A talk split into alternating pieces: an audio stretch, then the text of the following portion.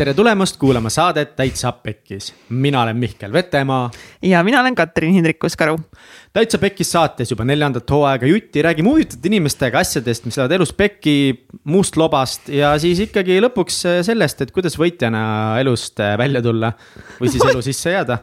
võitjana elust välja tulla. täna neljanda hooaja teises saates on meil külas Sandra Vabarna. Sandra Sandra. imeline saade Sandraga, kes ei tea, kes Sandra on, siis uh, kus sa elad? kivi all. tule kivi alt välja, Sandra Vabarna on muusik, ta on mänedžer, ta on arengutreener, ta on ema, ta on abikaasa, tal on siis kaks poega. ja tema teemuusika jõudis juba väga varajases nooruses, kus ta hakkas suhteliselt noorelt mängima torupilli näiteks. kolmeteistaastaselt. jah Äh, ta on ka õppinud muusikat ka välismaal, näiteks kaks tuhat kaksteist aastal Stockholmi kuninglikus muusikaakadeemias. oota, kolmeteistaastaselt vist ikka ei hakanud? kolmeteistaastaselt ta, ta armus torupilli mängijasse, hiljem kuskil pärast seda hakkas mängima torupilli. Millal see täpselt oli, see jääb ajaloo saladuseks. kaks tuhat viisteist aastal lõpetas ta Eesti Muusika- ja Teatriakadeemia Äh, ning TÜVKA ühisõppekava cum laudega magistritööga sada torupilli. cum laudena, liiga lihtne. Äh, teile kõikidele loodetavasti ta ongi siis äh, kõige kuulsam just oma bändi Trad Attackiga, mille üks liikmetest on, mille mänedžer ta on ja seda bändi nad siis teevad koos oma elukaaslase Jalmar Vabarnaga Shout out to Jalmar ja, ja siis Trad Attack on nagu huh mida bändi, mida ja bändi, nad on ikka hullud. seitsmeteistkümne, kaks tuhat seitse, mis asja, kaks tuhat seitseteist aastal eh, valiti eh, Sandraga aasta mänedžeriks nii et eh, ta on nii kõva, kõva mutt, noh. ja ta on siis esinenud, nad on esinenud ja tema on esinenud rohkem kui viiekümnes riigis üle maailma. et Crazy. see on päris, päris lahe nii et äh, temaga sai põnev saade ja täna siis, tänasel päeval veel ta päris aktiivselt tegeleb ka just arengutreenerina, mis on selline uuem suund tema elus. Ja, ja sellest tuleb saates juttu ka. ja, ja teevad koos Jalmariga ka igast erinevaid lahedaid äh, koolitusi ja seminare ja nad panevad ikka nagu hullu. Enne kui sa seda saadet aga kuulama saad hakata, siis äh, nagu ikka, kui sulle meeldib, mis me teeme, kui need saated sind puudutanud on, siis hakka meie toetajaks patreon.com kaldkriips täitsa pekkis ja kui. shout out need... kõigile uutele Patreonidele, kes äh, siin nüüd äh, viimaste päevadega on tulnud, nii et kui sa siit sa saatest oled saanud paar head mõtet äh, kasvõi näiteks viimasest Ants Rootslase saatest, mis meil siin päris kõvasti on esimese saatena lennanud, siis lihtsalt vaheta meiega energiat, tule Patreoniks, noh. ja kui sa ei taha tulla, see on ka fine, ma lihtsalt ei räägi sinuga linna peal kui näeme, siis kohe käntse. mega big love, armastan teid kõiki. ja teiega. ning eh, kui ta on lahe saade, siis mis meid aitab päeva lõpuks kõige rohkem on see, kui sa jagad seda vähemalt ühe oma sõbri, ühe oma sõbrisega. ühe inimesega ja sõber koos on sõbrisega. kui sa jagad ühe oma sõbrisega seda saadet, siis ma olen mega õnnelik ja tema on kindlasti mega õnnelik. jaa ning ja, äh, mis on veel oluline, on see, et Nii. Äh, siis meil on seminar tulekul. ja transformatsiooniseminar, mille ma varsti muudan ikkagist ümber transformatsioonifestivaliks, sest see on ikkagi so much more, kui on äh, seminar, eks ole, meil on ikkagist seal tulemas siis lisaks meie imelistele esinejatele, teejuhtidele, nende hulgas ka Ants Rootslane, Marlen Annabel Kubri, Epp Kärsin, Seram Saks saladuskatel võib öelda ka temaga saade varsti tulemas. Eh, Katre Kulbok, eh, mina ja veel teised üllatusesinejad ja me teeme White Party lõpus koos DJ Planeediga mm. -mm -mm nii et eh, see seminar tuleb piletid saab Vinge. soetada. seminar, festival, see on juba festival. festival, festivali saab festivali saab osaleda siis täitsapekis.ee kaldkriips seminar. ja, ja praegu on veel early bird hinnad kuuskümmend kuus eurot lihtsalt ja selle hinna sees ka PDF äh, workbook ja varsti siis täishind äh, on kaheksakümmend kaheksa, nii et nagu ma, ma läheks nagu shoppaks ära selle, investeeriks iseendasse. Mupast mu, mu, mu, ah Mihkel Vetemaa juhib päeva, see on hästi oluline fakt seda öelda, sest eelmisest tagasisidest siiski tuli välja, et Mihkel oli noh, eh, paljude lemmikosa sellest Suht, eh, päevast. kehv oleks, kui nüüd läks perse mul see no see oleks suht kehva. see oleks suht halb, aga äh, nii et jah, mine vaata, Facebookis on ka meil event üleval, kus on rohkem informatsiooni, millest me seal täpsemalt seminaril siis räägime. Jess. head kuulamist. head kuulamist. tšau, Sandra kas me peaksime salvestama nüüd või? tere. tere, tere, Sandra tere jess, Mihkel on siin juba väga erutunud seisundis, isegi lauluhääled on juba valla, valla päästetud. täiesti valla päästetud täiesti natuke on selline kooliõpilase tunne, eks ju, siin laud on nagu vahel ja siis noh, eksam Ah, me oleme nagu vastasseisus, ma just praegu avastasin, et nagu sihuke istumisstiil, nagu meil on see nagu vastasseis mm. -hmm. täna oledki üle. peaks olema ümmargune laud äkki, vaata siis ei teki ja, seda äkki. meil oli, meil oli seal, ei teises stuudios mm -hmm. oli meil ümmargune laud tegelikult mm -hmm. küll jah vot. ma ümmargust lauda ei usu, tead, mis ta peaks olema, mis on see kujund nagu hektagon või? Et ta ei ole nagu ringikujuline, vaid tal on nagu jooned, seepärast et. kas nagu meeldib... äärtega ring? äärtega ring jah sirgete äärtega ring ja nurkadega. ja sest siis kuidagi, tead, seal on mugavam asju taha panna, ümmargust lauda, aga mul on hästi ebamugav istuda mm., aga nagu jälle dünaamika mm. on võib-olla parem jah aitäh, et sa tulid täna siia. aitäh kutsumast, et see, mm, kas ma võin juba rääkima hakata või? ja, ja ei räägi. ma mõtlesin siis, kui te kutsusite, siis see viimased kaks nädalat on, umbes kaks nädalat tagasi kutsusite, on ju. et äh, olnud väga sisekaemuslikud tänu teile ava seda mõtet eh. see on tõesti nagu eksam, ava nüüd seda vastust.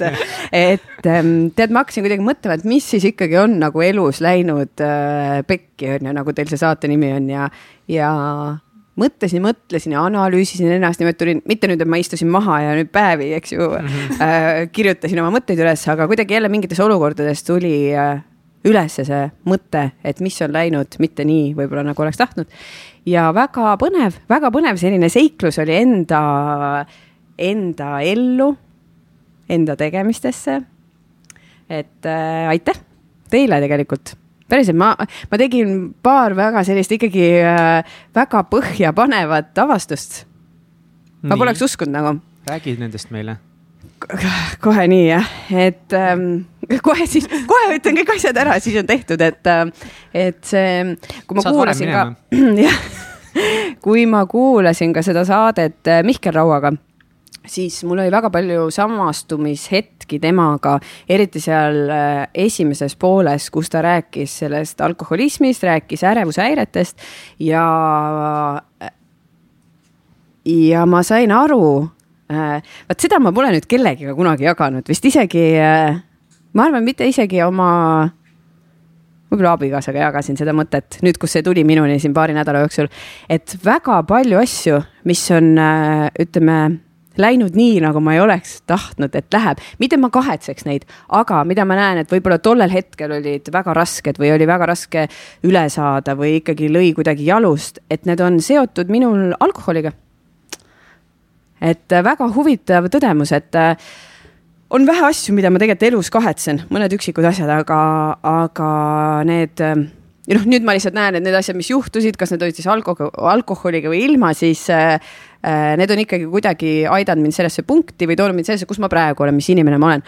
aga nendes hetkedes see, see põhjus, miks nad läksid võib-olla nii või miks ma käitusin nii, oli ikkagi, ma ütlen et, et üheksakümmend protsenti olukordades ikkagi alkohol mängus mitte ma ei süüdista ja ma ei vabanda ennast kuidagi välja mm, -hmm. aga, aga selline tõdemus jah, väga huvitav. tänu teile, tänu sellele äh, Mihkel, Mihkli saatele kuidagi ma hakkasin nagu mõtlema läbi selle ma ei ole pidanud ennast kunagi alkohoolikuks ja, aga kui ma hakkasin nagu läbi selle analüüsima, sest vaadake, muusiku elukutse puhul on ka alkohol alati olnud kuidagi tundub nagu osa sellest, on ju. Mhm. kuigi järjest, ma ütlen tänapäeval järjest vähem, et ikkagi muusikud ja artistid, kes tahavad karjääri teha, sa ei saa seda lubada endale, lihtsalt see ju niidab sind jalust ja ei ole nii nagu vanasti, et pärast iga kontserti, mitte nagu vanasti nagu meil, vaid üleüldse, et kui ka noh, täpselt nagu Mihkel rääkis sellest Singer Vingeri aegadest, et et ja oma raamatus ka, et siis kogu aeg see alkohol oligi iga nagu kontserdi osa on ju, seda loomulikult ei ole olnud nagu kogu aeg läbivalt karjääris, aga see on olnud, olnud äh, ikkagi kuidagi seal kõrval kogu aeg, on ju. et äh, jah issand, ma ei mäletagi, millal ma vastasin. ei, see on super, see on väga hea, lähme kohe siit edasi mm., aga, aga kas sa saad tuua mingeid näiteid või kirjeldada, kas see tähendab seda, et üleüldiselt lihtsalt noh, ma toon mingeid näiteid, ma mõtlen selle all, et. et ongi, et on juhtunud mingeid asju, mida sa oled purjus peaga teinud, mida sa kahetsed või näiteks ongi, et sa oled et alkohol väsitab meie keha, et sa tunned mingitel perioodidel, sa oled väsinud, võib-olla seepärast sa ei maganud, võib-olla seepärast, et sa jõid õhtuti alkoholi või mida see täpselt tähendab? ja äh, ma arvan, see tähendab mõlemat, et mm. ühest küljest sa väsitad iseennast sellega äh, ja teisest küljest ma olen käitunud mingites olukordades nii, nagu ma muidu ei käituks et äh, kas on see suhete teemal, kas see on inimestega kuidagi käitumine, kas need on mingid olukorrad olnud, et kus ma oleks võinud olla palju paremas vormis aga ma ei olnud, noh, kasvõi laval võttes on ju. et äh, ma mäletan, mul oli ükskord äh, üks väga-väga oluline esinemine ja ma ei saanud sellest olulisusest aru toona äh, ja ja eelmine õhtu me pidutsesime kella viieni hommikul, nii et äh, hommikul me äkki, kui üks teine bänd oli, me puhusime, vaatasime, kellel on väiksem promill, kes istub äh, rooli, on ju. noh, õnneks ühel inimesel ei olnud promilli. et äh, ja siis me läksime sinna lavale, see oli veel hommikul ja ma lihtsalt tundsin, kuidas mul äh,, ma ei suutnud nagu rääkida, mul hääl täiesti väri, täiesti, noh, see ei olnud nagu mina seal, on ju.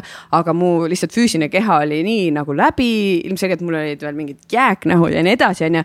et see esinemine, see noh, täiesti õudne, noh, katastroof, mitte keegi ei teeks seda iseendale ja, ja, ja kõige hullem ongi see tegelikult, ega kui ma vaatan tagasi, ega see kõige rohkem, kellele ma olen selle kõigega haiget teinud, on ma ise mitte teised inimesed, teised inimesed jah, võib-olla keegi vaatab kõrvalt, oh, ma olen nii pettunud, aga juba järgmine päev on tal mingi muu asi mõttes, on ju. et yeah. ise jääd ju neid asju kandma, kandma nagu endasse, on ju. Mm. et see on, et me lõhumegi tegelikult nende selliste olukordadega, kus me nagu ei kuula ennast või ei tee nii, nagu tegelikult võib-olla endal oleks parem mis iganes, mille pärast me siis teeme, noh, ma ei tea, ühiskonna surve ise kuidagi ei tea, ei leia endast selgust, et me lõhumegi ikkagi iseennast kõige rohkem, on ju kas, kas keegi kõrvalt ka andis mingeid märkuseid, et, et kontserdi osas või üleüldse sinu isiklikus käitumises, et äkki peaks mingeid kuidagi elustiili muutma?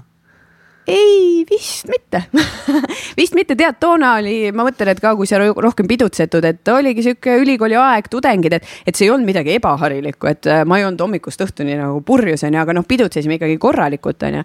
ja, ja see olukord lihtsalt, kus sa muusikuna oled, sa oled hästi tihti nendes olukordades, festivalidel, kontserdid, teised inimesed ju pidutsevad kogu aeg onju. -hmm. aga kui meie ikkagi viis nädalat tuuritame, siis sa ei jõua neli korda nädalas pidutseda, et, et see ei tähenda automaatselt, et kui sa lähed lavale, siis on ka pidu onju siis ma mäletan, mul oli üks klassi kokkutulek ja mul klassivend või õde ütles, et noh, mis, teil on ju nii äge elu, et te lähete lihtsalt lavale ja siis on nagu pidu ja nii. ja siis ma siuke, et ma just elasin Rootsis ise, siis Aha. mõtlesin, mis asja, et ma tegelikult, ma istun kuus tundi päevas üksi klassiruumis, harjutan pilli, on ju, lihtsalt tuimalt. et seal Rootsis mul veel ei olnud mingit absoluutset sotsiaalelu ka, täielik erak olin seal ühikas. et eh, see on, eh, see on üks asi, mis nagu väljaspoolt paistab, on ju, lähed lavale, see ongi pidu, tore kogu aeg, nii siis lähed uuesti, et. et aga see töö, mis sa pead tegema, et sinna lavale jõuda tegelikult on ju. et jah, jälle unustasin küsimuse ära see on super, aga kusjuures ma pean tunnistama, et minu arust me ei olegi otseselt ühtegi küsimust küsinud. ma lihtsalt hakkasin rääkima. lihtsalt arutame, see on väga-väga äh, põnev teema. ja, no vot aga mis hetkel sa hakkasid aru saama, et äh, üldse elustiili on vaja muuta? See oli siis ikkagi, kui ma läbi põlesin, see oli paar aastat tagasi nüüd, et uh, umbes, umbes samal ajal augustis ma mäletan, see, see juhtus ja, ja seal oli ka alkoholi mängus uh,, aga see oli lihtsalt uh, selline viimane, ütleme trigger, mis selle vallandas, on ju, ma olin lihtsalt juba aasta otsa magamata, väike laps, kogu aeg tööd teinud ja unustasin aega enda jaoks võtta ja, ja see oli see hetk, kus ma sain aru, et see ei ole ainult see, et ma nüüd puhkan kaks nädalat ja siis jätkan sama elustiiliga. ma saan aru, et ma pean midagi nagu muutma nagu päriselt, päriselt ja see ei käinud ka nii, et äh, mõned arvavad, et noh sa muud, kui muudad harjumusi ja nii lihtne on sinule, et tegelikult äh, see ei olnud nii, et ma järgmine hommik ärkasin, muutsin kõik harjumused, hakkasin kell viis ärkama ja kõik oli jee, onju. et see hakkas hästi vaikselt tulema, kõigepealt kuu aega mõtlesin üldse noh, et mis asi, mis siis on valesti, et mida ma peaks mm -hmm. üldse muutma, onju.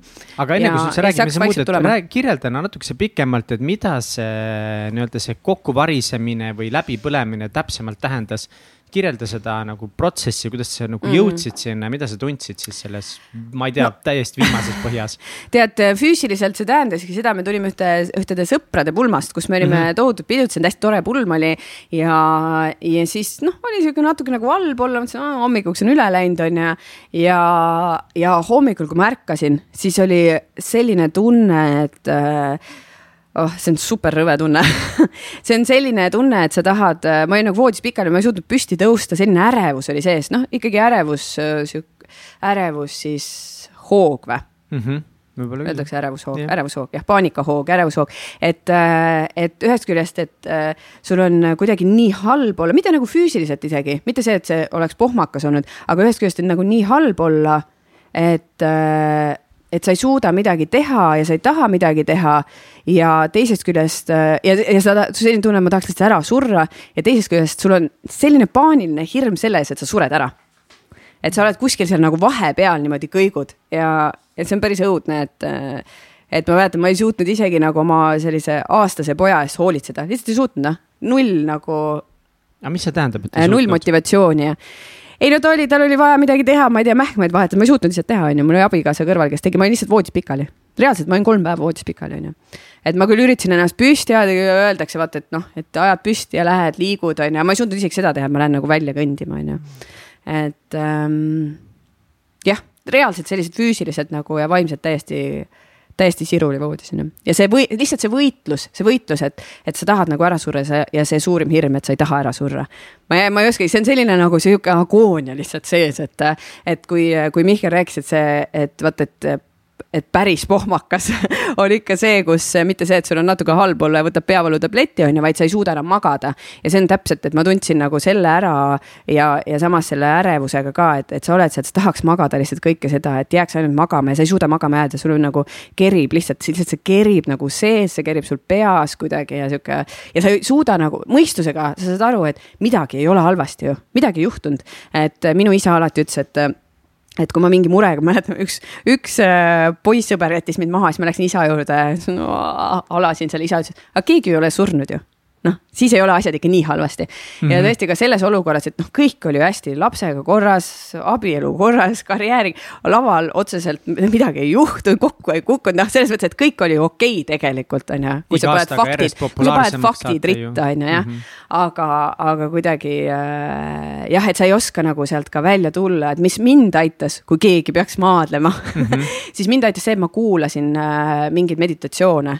ma küll ei suutnud nagu mõttega seal tohutult mingi mediteerida kommenteerida, aga ma lihtsalt kuulasin kellegi teise häält, kes lihtsalt ütles nagu mingeid asju ja mõni mõte nagu aitas seal äh, mind kuidagi kaasa, on ju, et, et kuidagi saada seda mõtet lihtsalt ära mm.. vot. aga sinna viis siis. Te olete nii tõsiste nägudega, mul on kõik hästi, päriselt see on, me oleme tõsiste nägudega, sest kui me oleme hästi süvenenud ja mõtleme kaasa, see on, see on okei okay., aga kas siis sinna. ma mõtlen sinna viis siis ikkagi see tohutu töötamine pluss emaks saamine, kõik, kõik see kokku. ja, ja, ja noh, ongi, see ongi kõik kokku, on ju, et see ei ole kunagi üks asi, et, et see oligi, mina olin muidugi pähe võtnud kohe selle, et ma jätkan töötamist, nii kui laps tuleb, ma jätkan seda, et mul oli äh, kuidagi keeruline ma nüüd tagantjärgi jälle mõtlen seda, et või mida ma ei tahtnud, oli see, et kui ma saan lapse, siis ainuke asi või ainuke roll, milles mind nähtakse, ongi nüüd ema, on ju. ja et siis tulevad, hakkan ainult lapse poste või pilte postitama ja muust nagu ei räägi ja jään selleks, selleks emaks, kes järjest kaotab sõpru ümber, sest ainult lastest räägib, on ju, vot seda ma nii meeleheitlikult vältisin, et, et ma tegin lihtsalt sajaga tööd edasi, täpselt samas tempos nagu enne last, on ju. ja, ja mis ma võtsin veel nagu endale pähe, et, et ma ei kavatse lapse pärast oma elustiili muuta, on ju ma tean, osad nagu mõtlevad samamoodi ja see on nagu tore, et osalt, et sa ei peagi, et see ei tähenda, et sa pead nüüd näiteks reisimise lõpetama, me või oleme ju käinud ja või lõpeta ja loomulikult sa ei peagi, aga mingis osas, kui see hakkab sinu tervisele näiteks noh, mida, mida meie tegime nii-öelda nagu valesti, oli see, et ma panin lapse magama kell seitse-kaheksa ja ise hakkasin tööd tegema, kütsin kuni üheteistkümne, kaheteistkümneni, siis läksin magama ja siis või siis vahtisin ka seriaali, see on teine asi ja siis kukkusin seal tere, selle ees ära. ja siis tema ärkas näiteks viiest-kuuest on ju ja viie tunniga une, kui sa ikkagi paned niimoodi aasta otsa noh, uni on ikka kõige alus, on ju, ma ütlen, et see, et see oli ka esimene asi, mis ma hakkasin muutma, kui ma hakkasin elustiili muutma, et et siis ei olegi jätkusuutlik. Tegelikult, et jah, ja ma mõtlesin, et ei, et ma ei muuda, on ju, et ja kuidagi noh, nüüd oled palju targem. Ma lähen ennem last magama. See on see FOMO täielik jah, et see hirm, et sa jääd ilma just. ja et hirm, et sinu võimalus nüüd ja. just praegu laval tähena särada, et kui nüüd ei saa just, et see, see vist oli ka karjääris selline hetk, et no kui me nüüd jätame selle Jaapani reisi ära, et noh, see ei ole võimalik. kuigi ütlen, reisidel nagu ei olnud raske, et pigem oli see, et mis sa reisidel ikkagi kuidagi läksid ikkagi hotelli, läksid samal ajal magama, reisidel pigem oli isegi lihtsam. aga just see, et see kodus oleku aeg, et sa orgunnid kõike ja siis veel bändina oli see, et kus me ei osanud valikuid teha. me võtsime kõik vastu, mis äh, põhimõtteliselt noh, kõik reisid, äh, siis äh, ma ei tea, oli vaja teha kõik sotsiaalmeediakontod, mina haldasin kõiki neid, siis oli vaja mingi projekt, keegi pakkus, kohe mm -hmm. tegime, on ju. et see tunne, et kui me nüüd ei tee, siis me magame midagi maha, on ju. Mhm. et, et ei osanud üldse nagu iseendale mingid nagu ka bändina seada eesmärke, on ju. aga kas see vastab tõele, et kui, kui oleks ära jätnud nüüd Jaapani reisi, kas siis oleks reaalselt kokku kukkunud lihtsalt? Ei, kindlasti ei oleks kindlasti ei oleks, äh, kindlasti aitasid kaasa mingid, äh, mm, mingid esinemised, siis me käisime, tegime ühe Austraalia mm -hmm. tuuri ja see kindlasti oli vajalik, on ju. aga, aga ma arvan, et Raat äkki oleks sellest kokku kukkunud, jah mm. -hmm. aga mis, mis hirmud sul veel seoses emaks saamisega olid või oli sul veel mingeid, mingeid hirme? ei vist ei olnud vist tõesti, ma nagu ei mäleta, ma ei mäleta seda, et mul oleks mingeid, ma olin kuidagi ikka päris ettevalmistunud kõikide asjadega, aga nojah, ma kuidagi nagu sellele nagu ei mõtelnud, et see laps äh, võib-olla ei maga nii, nagu mina tahan, onju. kuigi nüüd ma võin öelda, et tegelikult on võimalik lapsi harjutada ka magama nii nagu vanem tahab, onju, aga, aga mm, luues nagu neile siis mingid harjumused ja õpetades neile neid oskusi, aga. sa võtsid mikrofoni veel lähemale endale tõmmata. panen selle niimoodi just suhu. lebamalt istuda tooli peal ja ah.. ja siis keera näoga. nüüd läks veel pinges et äh, ongi, kõik praegu kuulavad, et siin Sander ei oska mikrofoni kasutada. jah, see on just, aga see on ju tavaline ju, vaata, et äh, mis öeldakse, et kingsepal ei ole endal kingi jalas ja siis muusik ei oska kasutada. Äh, ühesõnaga mm,, ma ei mäleta jah, et mul oleks muid suuri hirme kui see ja see hirm ka, selle ma mõtlen praegu tagasi, eks ju. ma toona ei, jälle ei mõtelnud seda, et oh, mul on nüüd selline hirm, et ma äh, olengi siis minu nagu ainult ema, et ma nüüd enam karjääri ei tee, ma toona ei mõtelnud, et see on mingi hirm mul on ju. Mhm. nüüd ma vaatan, et nüüd ma olen väga hästi, et kahe lapse kõrvalt ma olen väga edukalt saab teha karjääri, teha oma asju, tegeleda hobidega, olla lastega, et pole probleemi, onju. või noh, nagu kuidas, Taavi kuidas Tamkivi rääkis teie sellest, tal on neli last, mis mina siin oma kahega räägin nagu. ja, ja kuidas neli last ja mingid ettevõtted, jutud. ja just, et, et see kõik on võimalik jällegi, aga see, siis sa pead tegema need valikud mm. -hmm. sa pead seadma prioriteedid, et mis siis nagu on oluline, mis sa selle ajaga teed ja, ja täpselt nagu eesmärgistama asju, et miks ma tegin ka nii palju tööd, sest meil bändiga ei olnud eesmärki, lihtsalt tegid kogu aeg kõike. et töö tegemine kuidagi võrdus sellega, et sa kogu aeg teed midagi, on ju, et sa pead kogu aeg nagu tegema asju mm, -hmm. aga, aga miks sa teed, et mis on, kuhu sa tahad sellega jõuda üldse, on ju, et et ühesõnaga jah, et see on võimalik aga selleks tuleb ikkagi elustiili muuta, on ju. aga kuidas sa siis äh, täpselt enne kui selleni jõuad, kuidas see elustiil täna on, et kuidas siis see muutus hakkas täpsemalt äh, toimuma, et kui sa olid seal täiesti nagu kolm päeva oli kõige hullem hetk, kui sa kolm päeva ei saanud üldse liigutada. et mis siis need konkreetsed järgmised sammud olid ja kuidas see järgmine, ma ei tea, pool aasta või aasta sinu jaoks välja nägi? No mind äh, ikkagi ma pidin sealt voodist ükskord välja tõusma, sest meil oli kontsert ja mind üldse elus on väga-väga palju aidanud äh,. kuhu ma jõudsin ka selle kahe nädala jooksul on ju, mis ma siin eneseanalüüsi tegin teie saate äh, kas siis tõttu või tänu, tänu teie saatele, siis äh,, siis äh, noh, siis ma, ma võin öelda, et näe, vaata, siit hakkas pärast Sandra Aavarna kaks punkt null on ju, kui sellest eelmisest korrast hakkas, ma ei tea, üks punkt null või, igastahes äh, mis see küsimus oli? et eh, kuidas sa hakkasid välja tulema täpselt ah, sellest just. kõige madalamast hetkest? ja, et mind on alati äh, aidanud ikkagi töö, et äh, mul pole olnud kunagi elus sellist hetke, et ma jätan kontserti ära. ükskord okay., üks, ükskord me ei jätnud ära, aga mina ei läinud, poisid läksid, see oli päev pärast seda, kui minu isa suri et siis ma ei olnud tõesti võimeline lavale minema, aga muidu ma ei ole, ükskõik, kas on olnud halb olla, kas ma olen olnud rase, kas ma olen kohe pärast sünnitust, ma ei ole nagu ära jätnud. Ja see ei ole mingi see ohutu sihuke tõestamise vajadus, vaid see on kuidagi mingi see, ma olen võtnud selle kohustuse, see on minu töö ja ma tahan seda teha. Ja laval olek on mind nii palju aidanud, kui ma ka ootasin esimest, mul oli nii halb olla üks hetk ja, ja me olime mingis noh, tohutus lihtsalt kus pasaaugust tuuritasime Inglismaal no ma ütlen tõesti, need olid, need olid sellised klubid, mis oli sihuke, et, et sa lähed sinna ja siis see haiseb eelmisest õhtust sihuke õlle järgi ja suitsulebra järgi ja nagu, mis jäid, ma ei tea, minu kahekümnendatesse on ju. -hmm. ja mhm. siis tuuritasid ja siis sa oled seal mingi neljandat kuud rase, ülihalb on olla ja siis ainuke hetk, kus see läheb meelest ära, on see, kui sa lähed lavale sest sa pead olema, sa oled teiste ees seal, nemad on tulnud kuulama, nemad on maksnud piletiraha, nemad tahavad, et neil oleks mõnus ja see on minu kohustus, see on minu vastutus ja ma pean käituma nagu professionaal laval, on ju. et sellepärast on see alati aidanud ja ma arvan, selles olukorras ka kus ma olin seal kolm päeva ära maganud puhanud voodis, siis äh, meil olid, tulid kohe mingid tuurid peale, me läksime kuhugi, issand, ma ei mäleta, äkki Saksamaale, Tšehhi ja Šveitsis vist käisime, ühesõnaga ja ma pidin ennast üles ajama ja siis mõtlesin, et noh, et aga kus, kuidas siit edasi nüüd, mis asjad need on järgmised. ma sain aru, just sellel ajal ma tegelikult kuulasin seda audioraamatut, see Why we sleep, see on vist eesti keeles ka nüüd on ju. ja üldse see Matthew Walker on nagu super selle une teemal on ju ja kuulasin seda ja ma sain aru, et ei noh, minu uni ju, mis asi, see polegi mingi uni ju et. päris hirmuäratav. jaa, päris õudne nagu. ma kuulasin nagu. seda ja mul tuli natuke kerge hirm isegi, et jesus christ. jah, et kohe hakkad surema, on ju, mis sa oled teinud oma unega.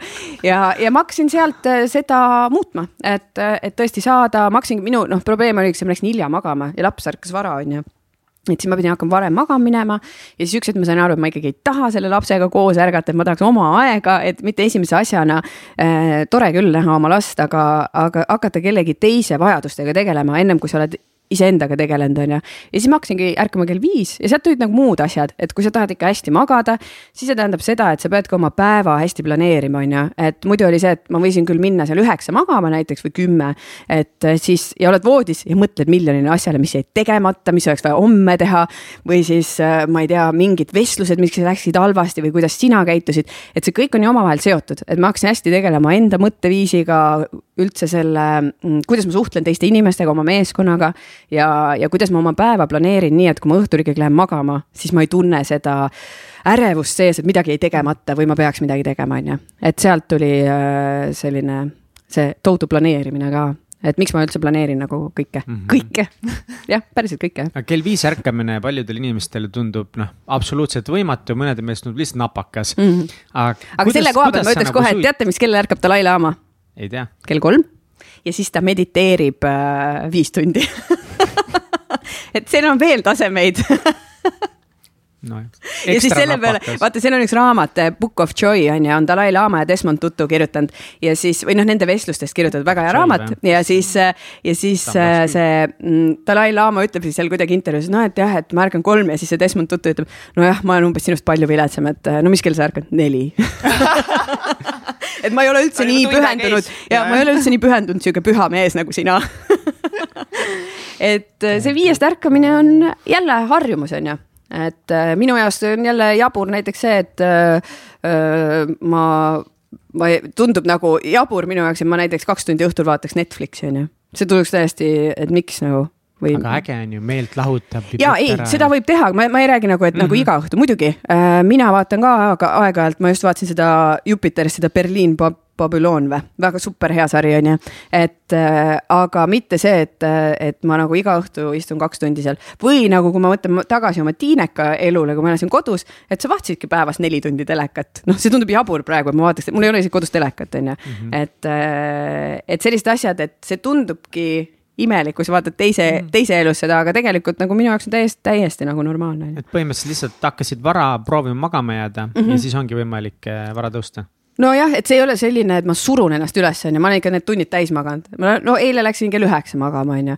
vahepeal ma lähen kaheksa kolmkümmend, ennem kui minu kolmeaastane poeg, tõesti et äh, siis abikaasa paneb ta magama, et äh, ja siis ongi, sa oled kaheksa tundi täis maganud, on ju, sest minu prioriteet on ikkagi saada kaheksa tundi täis. see on oluline, kui mul näiteks täna õhtul lõpeb kontsert hiljem, ma saan hiljem magama, siis ma magan lihtsalt kauem, ma ei suru ennast viiest üles, on ju. et äh, aga enamus päevadel ma ärkan viiest, jah väga keeruline võib ikkagi nagu tunduda alguses, et, et me suudame oma elu nii palju ümber muuta, et justkui on nii palju vaata neid teisi segavaid faktoreid, mis ei lase meil vara magama jääda või, või noh, et noh. aga need on meie enda kujundatud jälle, need on kõik meie enda kujundatud, et minu, kuule, mulle tundus mega imelik, ma lähen enne AK-d magama.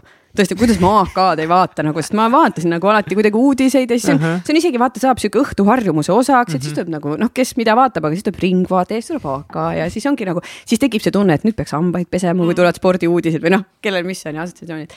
et, et see oligi keeruline, keeruline ei olnud vara ärgata, keeruline oli vara magama minna, et ja seda harjutada, on ju. on sul veel mingeid magama jäämise rutiine? Või magama minemise rutiine? Äh, no ideaal, mida ma ei suuda teha veel, äh, mida ma tahaks väga oma ellu juurutada, on see kolm, kaks, üks selline meetod, et kolm tundi enne magaminekut ei söö, kaks tundi ei tee tööd ja üks tund ei vaata, ekraane, on ju. et see oleks selline super, aga, aga praegu, mis ma teen, no ma üritan seda teha ja siis äh, tuleb Jalmar mingi õhtusöögiga, on ju, ja siis ma ütlen, et aga see on jälle enda teha, ma ei süüdista siin Jalmarit, on ju, Jalmar, kes siis on minu abikaasa, aga aga. aga kuidas siis Jalmariga kokku olete leppinud, et siis, et, et noh, olete siis planeerinudki niimoodi, et Jalmar võtab mingid kohustused õhtul ja siis ja. sina nagu, et te olete hästi omavahel nagu kohustused ära jaganud? ja, tema ongi, tema paneb äh, vanema poja magama, aga mina ärkan hommikul ja, ja nad ärkavad, mõlemad lapsed ärkavad siukse seitsme ajal üles ja siis mina võtan, Jalmar saab edasi magada, onju, et see ongi, Jalmar lähebki hiljem magama ja see ongi okei okay,, onju. ja, ja kui sa ütlesid nagu, et seda on nagu raske muuta, siis tead, mulle ütles üks äh, psühholoog ütles, et kui ma kirjutasin äh, temaga ja ma ütlesin, et ma olen nagu muutnud mingeid harjumusi elustiilis, ütles, et, äh, et see on kõige raskem asi tegelikult elus, oma harjumusi, elustiili muuta et sest meil on ju sisse juurdunud, on ju, pluss on see, et me oleme mingis mugavustsoonis ja tegelemegi mingite asjadega ja et miks ma peaks siis muutma, on ju. et ja teinekord me ei näegi seda võimalust, noh, nagu sa ütled, mina küll ei ole kella viiene ärkaja, on ju, et aga, aga kui sul on see vajadus, ma ei ütle, et kõik, palun hakake kell viis ärkama, noh, kui te elate üksi, teil ei ole väikseid lapsi, te ei pea ärkama kell viis, on ju, minul on see vajadus, kui ma tahan oma aega, mis on minu jaoks väga oluline, siis ma pean ärkama lihtsalt kell viis, on ju.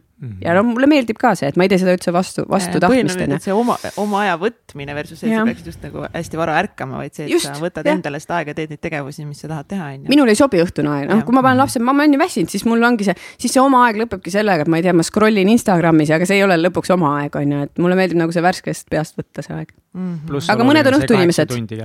jah, just, et ma ütlen, et mõned on õhtuinimesed ja see sobib neile, on ju peale magamise une, mis olid eh, teised mingisugused olulised strateegiad ja muutused, mida sa hakkasid oma ellu tooma?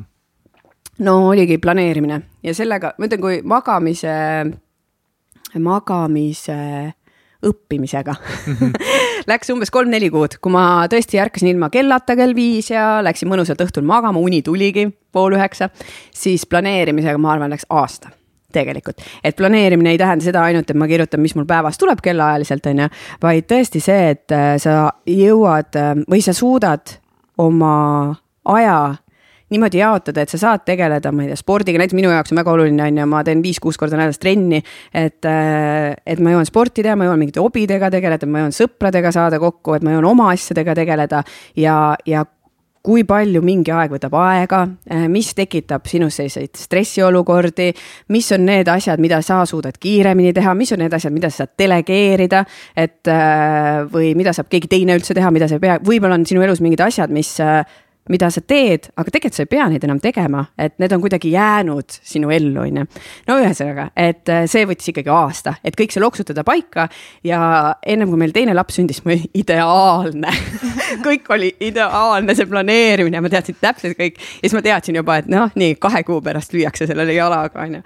et äh, aga tänu sellele tegelikult, et ma olin neid asju õppinud ja mul olid mingid harjumused, mis toetavad, siis see teine laps ei löönud üldse jalgu alt ära tegelikult mm, -hmm. muidugi on intensiivsem, loomulikult on ju, aga, aga kuidagi eh, see oskus iseennast seal hoida kõige selle sees, et eh, see on ka hoidnud praegu seda. aga kuidas sa siis planeerid, kuidas see planeerimine siis käib? õpet-, nüüd on see koht, kus nüüd õpeta lihtsalt planeerima. tead, seda, seal on nii palju erinevaid punkte, et noh, täpselt see, et üldse, et millele. seda kohvi loobib eh, keegi? Ma lähen ülientusiastlikuks, kui ma joon, ma, ma ei võta kohvi. sa lähed ülientusiastlikuks? ja veel, veel veel? entukamaks et ühesõnaga äh, tead, seal on nii palju erinevaid tahke, on ju, et millest, millest mina alustaks lihtsalt, et ma teeks sellise asja, ma teeks nimekirjad.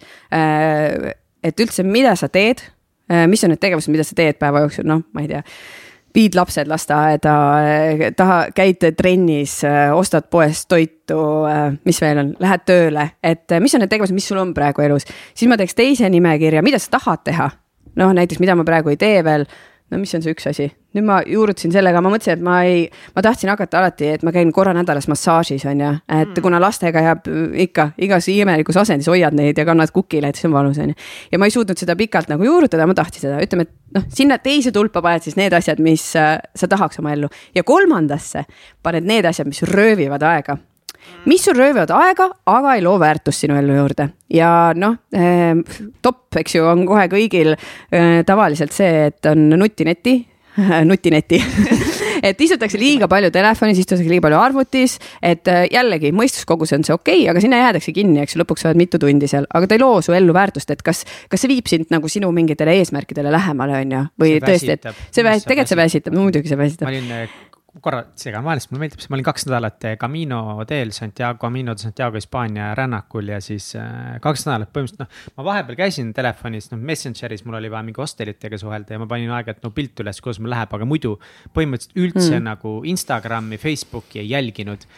ja see värskus, mis pähe mm. tuli, oli nii ootamatu, sest mina arvasin, et kõige rohkem mind väsitab ikkagi see töö on ju ja, ja siis on, eks ole, podcast'i asjade planeerimine, tegelikult piltide vaatamine ja nagu mingi ja. virvendamine mm. silme ees oi, plee, see värskus oli uskumatu. ja, ja tead, see on nii oluline, et inimesed saaks sellest aru, et see on okei okay tarbida, aga, aga seada näiteks endale kindel aeg päevas, et noh, ma käingi, ma ei tea hommikul pärast hommikusööki käin, vaatan kõik üle ja õhtul vaatan onju, see ei tea, see ei tähenda, et peab endale tohutult kõik ära keelama, absoluutselt mitte, aga, aga ma just lõpetasin ühe väga hea raamatu Ekraaniaju no super raamat, väga hästi tõlgitud, väga hästi keeletoimetatud, mulle meeldivad sellised raamatud, mis on hästi toimetatud. ja, ja no nii head faktid lihtsalt, et näiteks inimene, kellel on nutitelefon, siis äh, sada korda päevas vaatab seda sada korda päevas, saad aru, ja see mm. tähendab, et sa sada korda päevas võtad endale fookuse ära, on ju. siis näiteks teil on praegu telefonid laua peal, on ju, ja mina ka ei teadnud seda ennem, et, et mul on ka telefon hääletu peal laua peal, kui ma teen tööd tagurpidi, on ju. ja, aga tegelikult, mis on katseid tehtud, et, et meie, kui meil on niimoodi telefon laua peal tagurpidi, ikkagi tähelepanu on palju halvem kui see, et me paneks ta teise tuppa, et ta ei oleks silme all. isegi kui ta on tagurpidi hääletu peal, sest meie aju kohe, kogu aeg tahab switch ida sinna et tegelikult tahaks vaadata, äkki on midagi, tegelikult tahaks, isegi kui sa ei pane seda tähele, siis see fookus tavatöölt ja mm. täitsa lõpp. Ja nüüd ma olen ka sihuke, et oo, ma panen selle telefoni ära, praegu panin ka vaata kotti ära, sest mul ikka mõtled, aa huvitav, kas praegu on äkki keegi on no, midagi kirjutanud, onju. et see on, see on täiesti uskumatu, ühesõnaga, et teha, kus ma jõudsin sinna planeerimise juurde, et teha nendest asjadest, mis äh, röövivad tähelepanu ja praegu röövib tähelepanu, teeb siin pilti. Et äh, röövivad aega, aga ei anna juurde sulle väärtust, onju, et äh, ja, ja siis äh, esiteks lõpetada ära selle, nende asjade tegemine, mis ei anna sulle väärtust või vähendada, on ju. ja siis käia üle see esimene list, et mida sa praegu teed, aga mis on näiteks asjad, mida sa saad delegeerida. et äh, mida sa saad ära lõpetada, on ju noh, ma võin meie elust näiteid tuua, et äh, mis meie hakkasime tegema aasta alguses, esiteks me lõpetasime ära Netflixi subscription'i on ju. et kui väga tahame filme vaadata, ikka saab vaadata kuskilt mm. -hmm. teine asi, äh, mis me tegime, oli see, et me hakkasime korra nädalas toitu tellima. et varem me käisime üle päeva ja siis nüüd me tegime niimoodi, et korra nädalas äh, see, mm, mul on Prisma äpp on ju, seal paneb, mis asjad vaja on ja ja siis Jalmar käis järgi toitudel ja siis mõtlesime, et okei okay,, et aga see kulu, et ta sõidab sinna, ta sõidab tagasi, see ajakulu. tellime kulleriga tegelikult see, ma ei tea, mis see maksab, viis eurot on ju. et meil mõlemal aega säästame sellega on ju ja autol bensiini ka, et lõpuks see tuleb sama välja mm -hmm.. ühesõnaga ja korra nädalas tellime toitu äh, selline ajakulu ja muidugi rahakulu, rets raha, ei raha kokkuhoid aja kokkuhoid ja raha kokkuhoid, ühesõnaga, et, et sellised väiksed asjad on ju, varem. sellepärast, et poes, kas sa ostad nagu rohkem, kui sa tegelikult ja, vajad? sa ostad emotsionaalselt, vaata, me olime ka, me ei mõtelnud varem välja, et mida me nagu tahaks süüa, siis aa, aga ma lähen täna ostan seda, aga siis sa näed seda asja ka veel ja siis ostad veel mingi asja koju, on ju. et äh, ja muidugi samamoodi kehakaalule ka noh, ka on ju, kui sa tahad äh, ikkagi hoida mingit äh, kindlat dieeti või toitumisplaani on ju, et siis see pidev poes käimine. ja kulub palju rohkem raha. mingisuguseid, mingeid äppe või ettevõtteid, kes pakuvad seda, et nad teevad üldse toidud valmis täiesti, sest toidu tegemine minu jaoks, toidu tegemine ja mõelda, mida süüa teha mm nii keeruline. tead, ma olen mõtelnud seda, et äh, kui, äh, kui mul üks hetk elus on äh, nii palju raha, et ma võin lubada endale midagi, siis ma luban ühe koka endale ja, koju. või, või paariks päevaks, paariks päevaks nädalas näiteks tuleb keegi, sest e ka enda toidud mm. tüütavad ära, noh, seda näitas ju siin koroonaaeg on ju ka, et, et muudkui kokati ja kokati on ju. et aga tead, praegu ei ole kuidagi seda probleemi, ma vist kuidagi valin mingid toidud, mida on lihtne ka teha nagu, et palju värsket ja kuidagi kiiresti ja igastahes sellised asjad, et saab vähe, et saab oma aega palju rohkem nagu kokku hoida ja kui nagu lõpuks on tehtud see pilt, et mida sa pead tegema, mida sa tahad teha ja, ja, ja leiad seda aega nagu ise juurde, on ju. siis juba neid nagu planeerida märkmikus on palju lihtsam, et kõik väga palju, mis jääb planeerimise taha, on see, et inimesed ei loo endale selgust Nad hakkavad lihtsalt ajaliselt panema asju kirja, et täna teen seda, täna seda, aga kas sa pead seda tegema või? või et kas sul on vaja tegelikult seda teha, et äkki seda saab keegi teine teha, et noh, näiteks mina võtsin endale oma selles coaching või arengutreeneri töös võtsin assistendi, on ju, kes tegeleb mingite asjadega, kus ei ole minul, minu kohalolu ei ole vaja otseselt, on ju, jah, see on investeering, aga suures pildis on see ju jälle kasulik, on ju et no vot sellised ja noh, see nipp muidugi, et kui te tahate ikkagi asjad, et, et või teha, et mis minu puhul ka toimub, toimib, tehtud saaks asjad, siis kellaajaliselt kirja, on ju et noh, täna teen trenni, isegi näiteks täna hommikul täitsin märkmiku viis kolmkümmend, täitsin märkmiku. ma teadsin, ma lähen kuuest jooksma, ma panin ikka sinna kirja, kuuest, jooksma, nii et täidan ära, on ju, päevaplaani. et ma tean, millal ma teen, siis ma tean ka, et need juhtuvad tegelikult. et äh, pluss see vähendab tohutut stressi, et äh, eriti lastega, siis saab nagu see aeg, mis sa oled lastega, saad olla ka sada protsenti nendega, et, äh, et ma tean, et näiteks okei okay,, täna viiest kolmeni on mul lapsehoidja, teine laps on lasteaias, ma tegelen meilidega. ja ma, ma ei mõtle hommikul, kui ma olen lastega selle peale, millal ma, millal ma nende meilidega tegelen. see on kõige hullem asi, mis me teeme endale, et me jätame pähe asjad, et me ei planeeri ära ja teine asi, et me kogume seda näiteks kasvõi to do list'i või mida iganes, et kogume pähe, et sellepärast märkmid kohe kirja, on ju. Või mis iganes äppe keegi kasutab või noh, ükskõik. peaasi, et me saaks nagu peas seda tühjemaks ja noh, muidugi mingisse kohta, mida me vaatame. See on oluline ka, on ju kas sa kasutad planeerimisel mingit spetsiifilist metoodikat ka, mille keegi on välja töötanud või lihtsalt kuidagi ise oled nagu hakanud otsast tegema, vaata, mis sulle sobib, sest on olemas igasti mingeid, see ka sama see getting things done, GTD on üks eraldi metoodika ja nii edasi, jah. tead, ma olen vist nii palju lugenud ja ma arvan, mul on igast erinevad metoodikad ja harjumused ja harjutused ja tööriistad on kuidagi koos seal, et. et ma alati, mida ma teen, et kui ma olen oma hommiku sellise oma aja, oma tegemised, rutiinid ära teinud, siis ma võtan, üks minu see jälle nipp on see, ma võtan kõige olulisema asja. ma vaatan üle, viis minutit ma vaatan üle Messengeri, kuna telefonis ei ole, ma teen arvuti lahti, on ju, Messengeri ja meili. ja ma vaatan, kas seal on praegu meili või sõnumit, millele ma peaks kohe praegu ära vastama. siis ma vastan sellele ära või ma tean, et täna peab näiteks see mis iganes asi töösse minema, siis ma teen selle kohe ära viie minutiga ja, ja siis ma tean, et emb-kumb laps peaks praegu ärkama näiteks varem pool seitse. siis ma tean, et see kõige olulisem asi on tehtud ja ma enam ei muretse, et siis ma tulen pärast päeva jooksul, kui mul on see tööaeg tagasi, on ju. aga ma tean, et mingid asjad, et keegi ei oota minu taga ja ma tean, et mingid olulised asjad on vastatud. et isegi kui mul on seda aega viis minutit, ma vaatan ainult kiirelt, ma ei avagi mingeid meile, ma tean, okei okay,, see ei ole kiire, see ei ole kiire, seda ma ei ava, on ju. et aga kui on need olulised asjad, noh, mingid siuksed kiiremad tööperioodid või see on küll, aga inglise keeles on näiteks ka selline asi on nagu done by one on ju. Done by one. Done by one, et see on põhimõtteliselt sama, et sa teed need olulised asjad mm., mis iganes, see võib olla sinu jaoks trenn on ju, see võib sinu jaoks olla lugemine, et sa teed või tööasjad, mingid projektid, et sa teed ennem kella ühte ära ajastad ära ja alles pärast kella ühte lülitad oma telefoni näiteks sisse, kellel on probleeme, et ta ei suuda telefonist eemal olla. ja siis, ja siis tegeled muude asjadega on ju, vastad telefonikõnedele, mis iganes kas on äh, veel midagi, mis oli väga oluline sinu jaoks, et äh, sa enam ei kukuks sinna läbipõlemisauku, et sa tegid magamise korda, sa hakkasid planeerima oma päevasid. kas tuli veel midagi sinu ellu juurde, mida äh, enne seal ei olnud? No ma arvan, järjepidev trenn, et see arusaamine, et see trenni tegemine ikkagi annab energiat, mitte ei kaota kilosid, on ju, et minu mentaliteet varem oli see, et. et ma tegin trenni siis, kui mul olid lisakilod, tegin, sain need alla, siis lõpetasin trenni tegemise hakkasin pidutsema, siis jälle ja niimoodi ma käisin nagu ratta, tsüklist, tsüklist, tsüklist, tsüklisse just vot mis välja tuleb. just tsüklist, tsüklisse, ühesõnaga, et selline ring kogu aeg käis, on ju, et, et aga nüüd on nii, et pff, ma teen tõesti viis-kuus korda nädalas sporti ja vahepeal mõtlen pärastlõunal, et, et see on jälle, see on, ma olen harjutanud selle harjumuseks, et pärastlõunal, et võiks minna sporti tegema ja siis tuleb, et ai, ma juba hommikul tegin, et äh, ma siis ei lähe, on ju. et see on lihtsalt mõnus, see on aeg minule endale, see on äh, füüsiliselt, see annab mulle energiat, on ju. aga see on jälle mingi asi, mis sa pead nagu harjutama enda sisse. et see on kindlasti selline järje, järjepidev ja üldse, äh, mis kõik, vahet pole lõpuks, mis harjumused need on, mis kedagi toetavad, on ju, või mind toetavad. oluline on see järjepidevus. et mõnikord, kui mul isegi ei ole tund aega hommikul, on näiteks viisteist minutit, siis ma loen viis minutit, venitan viis minutit ja täidan märkmi nagu viis minutit, on ju. et peaasi, ma seda teen nagu, et ma olen ka lugenud ühe lehekülje ainult noh.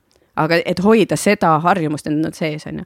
noh, hambaid ei unusta ju hommikul pesta on ju, või ma ei tea, võib-olla keegi unustab ma, ei tea, Mihkel vaatas imelikuna see nädal ma olen vist kahel õhtul ei ole pestnud hambaid ah., hommikuti ma pesen okay. alati, hommikuti on võimatu mitte pesta, siis no on just. ikka sihuke lebras õhus. ja, aga minul on näiteks hommikul võimatu nagu kuidagi hakata muude asjadega tegutsema, kui ma ei ole seda oma, oma nagu kolme asja ära teinud, on ju et äh,. aga kaua sul, nagu sa ütlesid enne, et, et see planeerimine võttis aasta aega sul aega, kas see, et nagu saada need harjumused paika, võttis aasta aega või see, et õppida planeerima? õppida planeerima oma päeva. võttis aasta äh, aega? jaa, oma tegemisi, oma aega. kui kaua läks et... aega, et need harjumused tekiksid niimoodi, et vaata nüüd sa ütlesid, et ah, et sul on veider, kui sa ei tee mm. omi asju ära, samas sa terve elu ei olnud seda enne teinud. jah, no magamisega ma olen sihuke kolm-neli kuud, aga muud asjad äh,, issand, ma ei teagi, no ma olen nüüd kaks aastat teinud, on ju. Mhm. et äh, aga see tunne, et on nagu veider äh,, äh, ma arvan, see ikkagi tuli ka siukse kolme-nelja kuuga, on ju. et kui sa ikkagi teed, vaata öeldakse, et kakskümmend üks päeva on see, et sa nagu saaks selle kuidagi, mis iganes sa harjutad, et sa saaks aru, et ah, sa teed nüüd midagi uut, on ju. ja kolm kuud võtab aega, et see saaks päriselt elustiili osaks ka aga noh, kolm kuud, see on suhteline, oleneb, mis harjumus sul on, on ju, et äh, aga umbes nii, äh, ma arvan jah, läks mul jah. Cool, võtan vett selle peale. ma, ma võtan ka vett selle peale kuidas see mm, läbipõlemine mõjutas teie bändi ja see, et sa siis nüüd oled leidnud täiesti teistsuguse hingamise endale? et kas see ohustas bändi ka see, et sa olid läbi põlemas kuidagi mm,? Või bänd oli see, mis nagu hoidis elus sind? bänd vist hoidis elus jah, jah äh,. ei, jah, jah ei, ei, ei jah. aga jah, kuidas ei. nüüd, kas, kas need uued harjumused on kuidagi bändile ka sisse tulnud, oled sa nagu hakanud asju paremini tegema või, või mis on muutunud seal valdkonnas? ja kindlasti see planeerimine on ka bändi selles, sest me istusime aasta alguses just maha, tegime kolme aasta plaani kolme aasta plaani, kahe aasta, aasta plaani ja järgmiste kuude plaani on ju. et me oleme ka hakanud bändiga järjest rohkem mõtlema, mis on meie eesmärgid, mida me üldse tahame teha, et pole ju mõtet kogu aeg igale poole joosta. vaid kuhu me tahame nagu jõuda ja samamoodi, et kuhu meie tahame oma aega panustada, on ju. et mis kontserte me võtame vastu, mida me ei võta, on ju. aga kuhu tahate jõuda, mis see tähendab, kas muusikuna mõtlesid nagu, et sa tahad ühte asja, tahad esineda ja yeah. puudutada inimeste südameid? jah yeah aga kuidas sa siis selle kolme aasta plaaniks teed? ja, aga see ongi, et noh, et millal tuleb album äh,, millal sa äh, hakkad albumit looma, eks ju, kui sa mõtled, et kolme aasta pärast tuleb album, siis tegelikult praegu juba sügisel me hakkame seda äh, kirjutama, seda albumit, on ju. et see aeg tuleb ka planeerida, et see album lihtsalt ei sünni niimoodi, et äkki on valmis kõik need lood äh,. et selline süstemaatiline töö ja millal me siis anname näiteks singlid välja ja nii edasi, on ju, et selline äh, väga praktilised punktid, et äh, mida me mis ajal teeme, on ju mm,. mis teil mingi, mis teil suur unistus Trad Attackiga on? suur unistus, me panime vist sellise kümne aasta plaani mingi aasta või kaks tagasi, et tahaks mängida mingitel festivalidel headliner'ina ehk siis peaesinejana on ju. et mingid siuksed suured festivalid ja mis on nagu žanriülesed pigem, et mitte, me oleme mänginud mingid, mingitel folk ja mingitel maailmamuusikafestivalidel küll. aga kus me oleme nagu olnud selline peaesineja, aga veel nagu mingid suuremad on ju. Tomorrowlandil äh, ma ei tea seda, aga Sandra ei tea Tomorrowlandi või? jah. Läheb vist väga teise, teise kategooriasse. no see on väga teise kategooriasse, see on vist, ma ei kas see on nagu.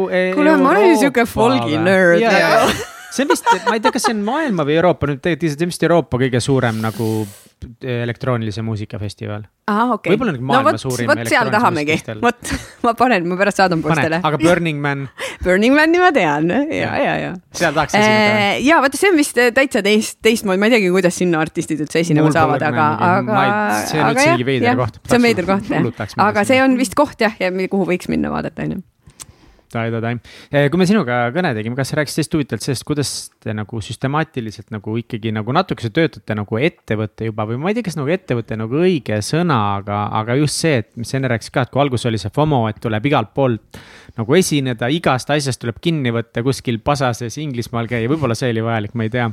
ma ei tea. siis..., vaatame, ma pole veel tundnud seda vajalikkust, aga võib-olla aastate pärast mis on nagu mingid põhisüsteemid, mis need nüüd on, et kuidas sa nagu otsustad üldsegi, et milline kontsert on siis nii-öelda väärt teie aega, mitte? Ja kuidas see nagu, kas süda ei ütle samas, et ah issand, tahaks minna nagu ikka igale poole ja? ikka, eriti praegu, kus on, pole ju kaks aastat reisinud, siis on sihuke, et ükskõik mida pakutakse, lähme, on ju, et aga no me peame mõtlema ka eh, sama, et, et kas see on meile rahaliselt kasulik või me peame sellele näiteks peale maksma, on ju, mõned festivalid on, kes ütlevad, davai, me anname teile selle honorari, aga lennupiletid ostate ise, on ju, ja kui me arvutame selle sealt honorarist maha, siis lõpuks me maksame ise peale, on ju. kui palju et... muusikud peavad üldse ise peale maksma, see on nagu, vaat sa ei saa elada, kui sa pead ise ise peale ei, see, see oleneb, vaata, see on pigem nagu välismaa puhul ja alustava artisti puhul on ju okay., et meiega ikka, no ongi, kui meile sihukest diili praegu pakutakse, siis me ei lähe enam, on ju. aga kunagi me läksime ja kunagi me taotlesime ka rahasid, et me saaks üldse välismaal hakata esinema, et me saaks seda kogemust, et me saaks ise ka selle sõna liikvele, et selline bänd on Eestis, siis sa pead tegema, on ju, et me oleme saanud EAS-ilt toetust, me oleme kultuuriministeeriumilt saanud, on ju, kultuuri, Kultuurkapitalilt, et no,. kui kaua te nagu käisite niimoodi, et, et pigem pidite ise peale maksma või et jäite nulli või niimoodi? Äh, tead, see, me, see ei olnud alati kõik nagu esinemised, mingid tuurid, näiteks USA-sse minnes on ju, viienädalane tuur äh, tundub selline dream come true on ju, aga tegelikult on, et viisa sul maksab juba kaheksa tonni bändil, bändile on ju. mis tähendab, et kui palju keikasid sa pead seal tegema või kontserte, et see viisad ainult tagasi teenida, on ju. et, et ühesõnaga äh, sellised asjad, aga samas on see väga vajalik, me lähme sinna turule, siseneme, on ju. või siis või siis esitlusfestivalid, mis sa pead ise maksma. noh, sellised, sa lähed, sinna kutsud, nagu Tallinn Music Week on, kutsutakse kokku ilge posu Äh, muusikatööstuse inimesi, ma ei tea, plaadifirmade esindajad, festivali korraldajaid, kõiki agentuure ja nii edasi, mänedžere. ja siis sa esined seal, siis nad vaatavad ja siis kas hakkad koostööd tegema või ei hakka, on ju. et sa saad ennast näidata, see on nagu mess või? mis on showroom wow. ja, ja neid on üle, üle maailma ja Tallinna Week on ka üks sihuke on ju, et äh, äh, jah, nendel ja seal pead alati kõik kulud ise maksma ükskõik, kus sa lähed, et me oleme käinud äh, nii USA-s, Kanadas, Venemaal, Vladivostokis äh, ühel showcase'il äh,, me oleme käinud Brasiilias vist ühel mm -hmm. showcase'il, et no,, et need tuli ise. mul enne oli see, see mingi ettevõtlusküsimus, mul hoopis teine ah, küsimus tuli pähe mul hoopis teine millal te nagu aru saite, et äh, kurat, et teil võib täitsa hästi minna, sest ma arvan, et kui sa alustasite, kas see kohe nagu oli hull usk või ikka kartsid, et kas see on õige või? ei, no alguses oli lihtsalt puhas fun, saad aru, see oli see, et me tegime, mina Jalmariga rääkisin siin Kalamaja köögis, et kuule, võiks teha mingit sellist bändi, mis teeks sihukest instrumentaalmussi, mis oleks sihuke peobänd, et teeme ühe kontserti suvel Viljandi folgil, veits joome nagu õlut laval, kutsume sõbrad jämmima, see oli sihuke nagu idee, on ju. ja see oli kõik. ma segan jälle vahele, no., anna andeks, ma lihtsalt ei saa. kas te olite juba siis koos või mitte? ei olnud, siis me ei olnud koos. Te siis... saitegi? ei, aga me olime olnud koos juba siis me, me oleme, ühesõnaga Jalmar arvab, et me oleme ühe korra lahku läinud, mina ütlen, et me oleme mitu korda edasi-tagasi kokku käinud, et okay, meil on pikk minevik, meil on pikk, see on üks teine saade, et. koos Jalmariga ilmselgelt. koos Jalmar, ja räägi, kutsuge Jalmar, las tema räägib teile. tema räägib oma versiooni ja siis ma kuulan ja siis tulen räägin oma. igastahes. Ja siis me kutsusime, et võiks olla üks trummar ka, et Tõnu, davai, et kolmekesi oleme selline tuum on ju, ja siis äh, paar kuud oli pausi, midagi ei teinud on ju, sest me, meil oli plaan esineda ühe kontserdiga suvel. ja siis äh, meil olid teised bändid kõigil, Jalmar Palmer mängis siis veel Girly Stringsis ja meil oli Paabel ja igastahes. Ja siis me mõtlesime, et ah, Tallinn Music Week tuleb, et kandideerime lihtsalt nalja pärast onju ja siis oli vaja lugusid, kiiresti salvestasin minu elutoas kaks lugu. ja siis toona vist mõtlesime veel, mis nimeks paneme, paneme Sandra Sillamaa trio no milline geniaalne nimi, eks ju. siis ma olin veel Sillamaga. Ja siis saatsime ära need äh, lood, saime Tallinn Music Weekile ja kuidagi sealt hakkas, no teeme siis video ka. Ja siis äh, Tallinn Music Week no teeme selle, no mis koht see uus koht, äge koht on, no see Instagram, vaata, teeme selle konto ka onju. siis ma õppisin, kuidas Instagrami teha nagu, mis see oli siis kümme aastat tagasi ei vähem, üheksa aastat tagasi vist või kaheksa, ühesõnaga mm -hmm. õppisin need asjad ära ja siis kuidagi edasi kogu aeg oli selline, järjest tuli üks või tuli neid nii-öelda nagu endale proovile panekuid või väljakutseid, et. et siis minul oli magistrikraadi lõpetasin, mõtlesin, et davai, ma teen siis selle bändiga nagu diplomikontserdid, siis tegime kolm kontserti Tallinn Tartu, Viljandi. ja siis äh, kuidagi tuli Viljandi folk, mõtlesime, no salvestame siis neli lugu plaadile, saame midagi müüa, on ju. ja siis ja nii edasi, nii edasi, ta kogu aeg nagu läks, läks, on ju. ja see neli lugu plaadile, saame midagi müüa, võitis siis äh, poole aasta pärast äh, Eesti muusikaauhindadel nagu äh, Etto folkalbumi vist tiitli ühesõnaga sellised, et ta nagu läks ja läks sammult, aga kus ma seda tunnet tundsin, see oli, ma väga mä täpselt mäletan oota mul tuli praegu kanalak peale, et ähm, Kasahstanis, me mängisime Kasahstanis ja, ja see oli kaks tuhat, kaks tuhat, ütleme kolmteist tekkis meil see idee, kaks tuhat neliteist tegime esimese äh, laivi ja plaadi ja kaks tuhat viisteist vist esinesime Kasahstanis. ja, ja siis äh, seal oli mitu tuhat inimest, no väidetavalt äh, viis tuhat või midagi, on ju, et noh, toona see oli meie jaoks ikka nagu megasuur publik. ja viis tuhat inimest ja siis ma mängisin mingit lugu ja ma pöörasin Jalmari poole ja siis mul äkki käis see tunne, et jaa, we can make it nagu nagu, et totally, et see bänd täiega toimib suurel laval ka ja me võime täiega maailma vallutada. mis seal festivalil siis toimus või mis seal, mis seal, mis seal, mis seal, mis seal kohapeal, ma mõtlen selles mõttes, et mis seal, mis seal hetkes oli, et sa tundsid seda? no see oligi viis tuhat inimest ja nad lihtsalt elasid niimoodi kaasa, tantsisid, eks ju, täiesti võõras publik, täitsa äh, ega nad ei saanud ju meie keelest aru, meie ei saanud, me ju laulame eesti keeles on ju, või noh, need lood on. et äh, ja siis ma sain aru, et aga see töötab, see toimib, kui ma mängin seda torupilli, siis nad lihtsalt huilgavad, tõstavad käed püsti, ma nagu sihuke vau, pildistavad, et. et see toimibki, et me olemegi nagu selline bänd, mis on, äh, mis toimib ka välismaal, isegi kui sõnadest aru ei saada, on ju. et ju seal on mingi rütm, ju seal on mingi, täpselt me oleme arutanud, need loitsud on sellised retsitatiivsed ja mis lihtsalt toimivad, mingi, mingid rütmid on ju, et, äh, et see oli jah, see hetk ja neid hetki on pärast, hiljem on nagu veel olnud. aga kas on olnud äh, mingeid hetki ka, kus nagu mõtlesid, et äkki see ei ole õige tee? nagu Traadetech või? ei ole olnud. ei ole või? ei no,, ei ole olnud, kuigi on olnud neid hetki küll, et kas me nüüd pidime selle tegema või noh, et tegelikult oleks võinud seda teha või oleks niipidi võinud teha, et neid hetki on muidugi olnud, on ju. mis on mingid suurimad pekkiminekud äh, Traadetechil? Äh, no need on noh, suures pildis nagu väiksed asjad, kui me tegime teise plaadi kaane, et siis kui me olime ikka ära trükkinud, siis sisemuses me juba teadsime, et see ei meeldi üldse, onju, aga, aga vaata, mis mulle nendest olukordadest meeldib, ongi see, et kas sa jääd nagu sellesse kinni, et ah oh,, läkski pekki ja täitsa lõpp. või siis sa proovid seda kuidagi muuta ja mida meie tegime, mõtlesime, et aga teeme teise, samale plaadile teise kaane. keegi polnud seda Eestis teinud, onju, et ja seda üldse harva tehakse, et miks sa peaks uuesti trükkima, aga täiesti teise kaanepildiga, onju. siis mõtlesin, aga teeme, meie enda süda on rahul sellega siis, onju, ja siis, kui see too pilt oli nagu, et me olime mulla sees nagu siiamaani tegin pildi siis me otsustasime, et aga lähme lumme. Ja miinus seitsmeteist kraadiga olime siinmaal nagu lumes ja tegime pildi. ja panime ja väga hästi, noh, see, see plaat sai äh, aasta albumi on ju. Ja, ja, ja see oli väga hea idee ja see esiteks oli noh, nüüd toona me ei mõtelnud nii, aga see oli turunduslikult geniaalne idee nagu poole aasta pärast tood sama plaadi uue cover'iga nagu. Et äh, lihtsalt uue pildiga, et äh, aga jah, aga siis ma mäletan, kui see plaat tuli välja, neid tuhat plaati, siis ma mõtlesin, oh kui kole. Või, või mitte kole, vaid see nagu ei ja, toiminud tegelikult see must ja see on ju. ja seda nagu ikka on veel juhtunud, viimase plaadiga ka tegime raiskasime tuhandeid-tuhandeid eurosid, et äh, tegime kaks photoshoot'i ja lihtsalt ei, tegelikult ei toiminud, on ju, me ei mõtelnud läbi seda natuke noh.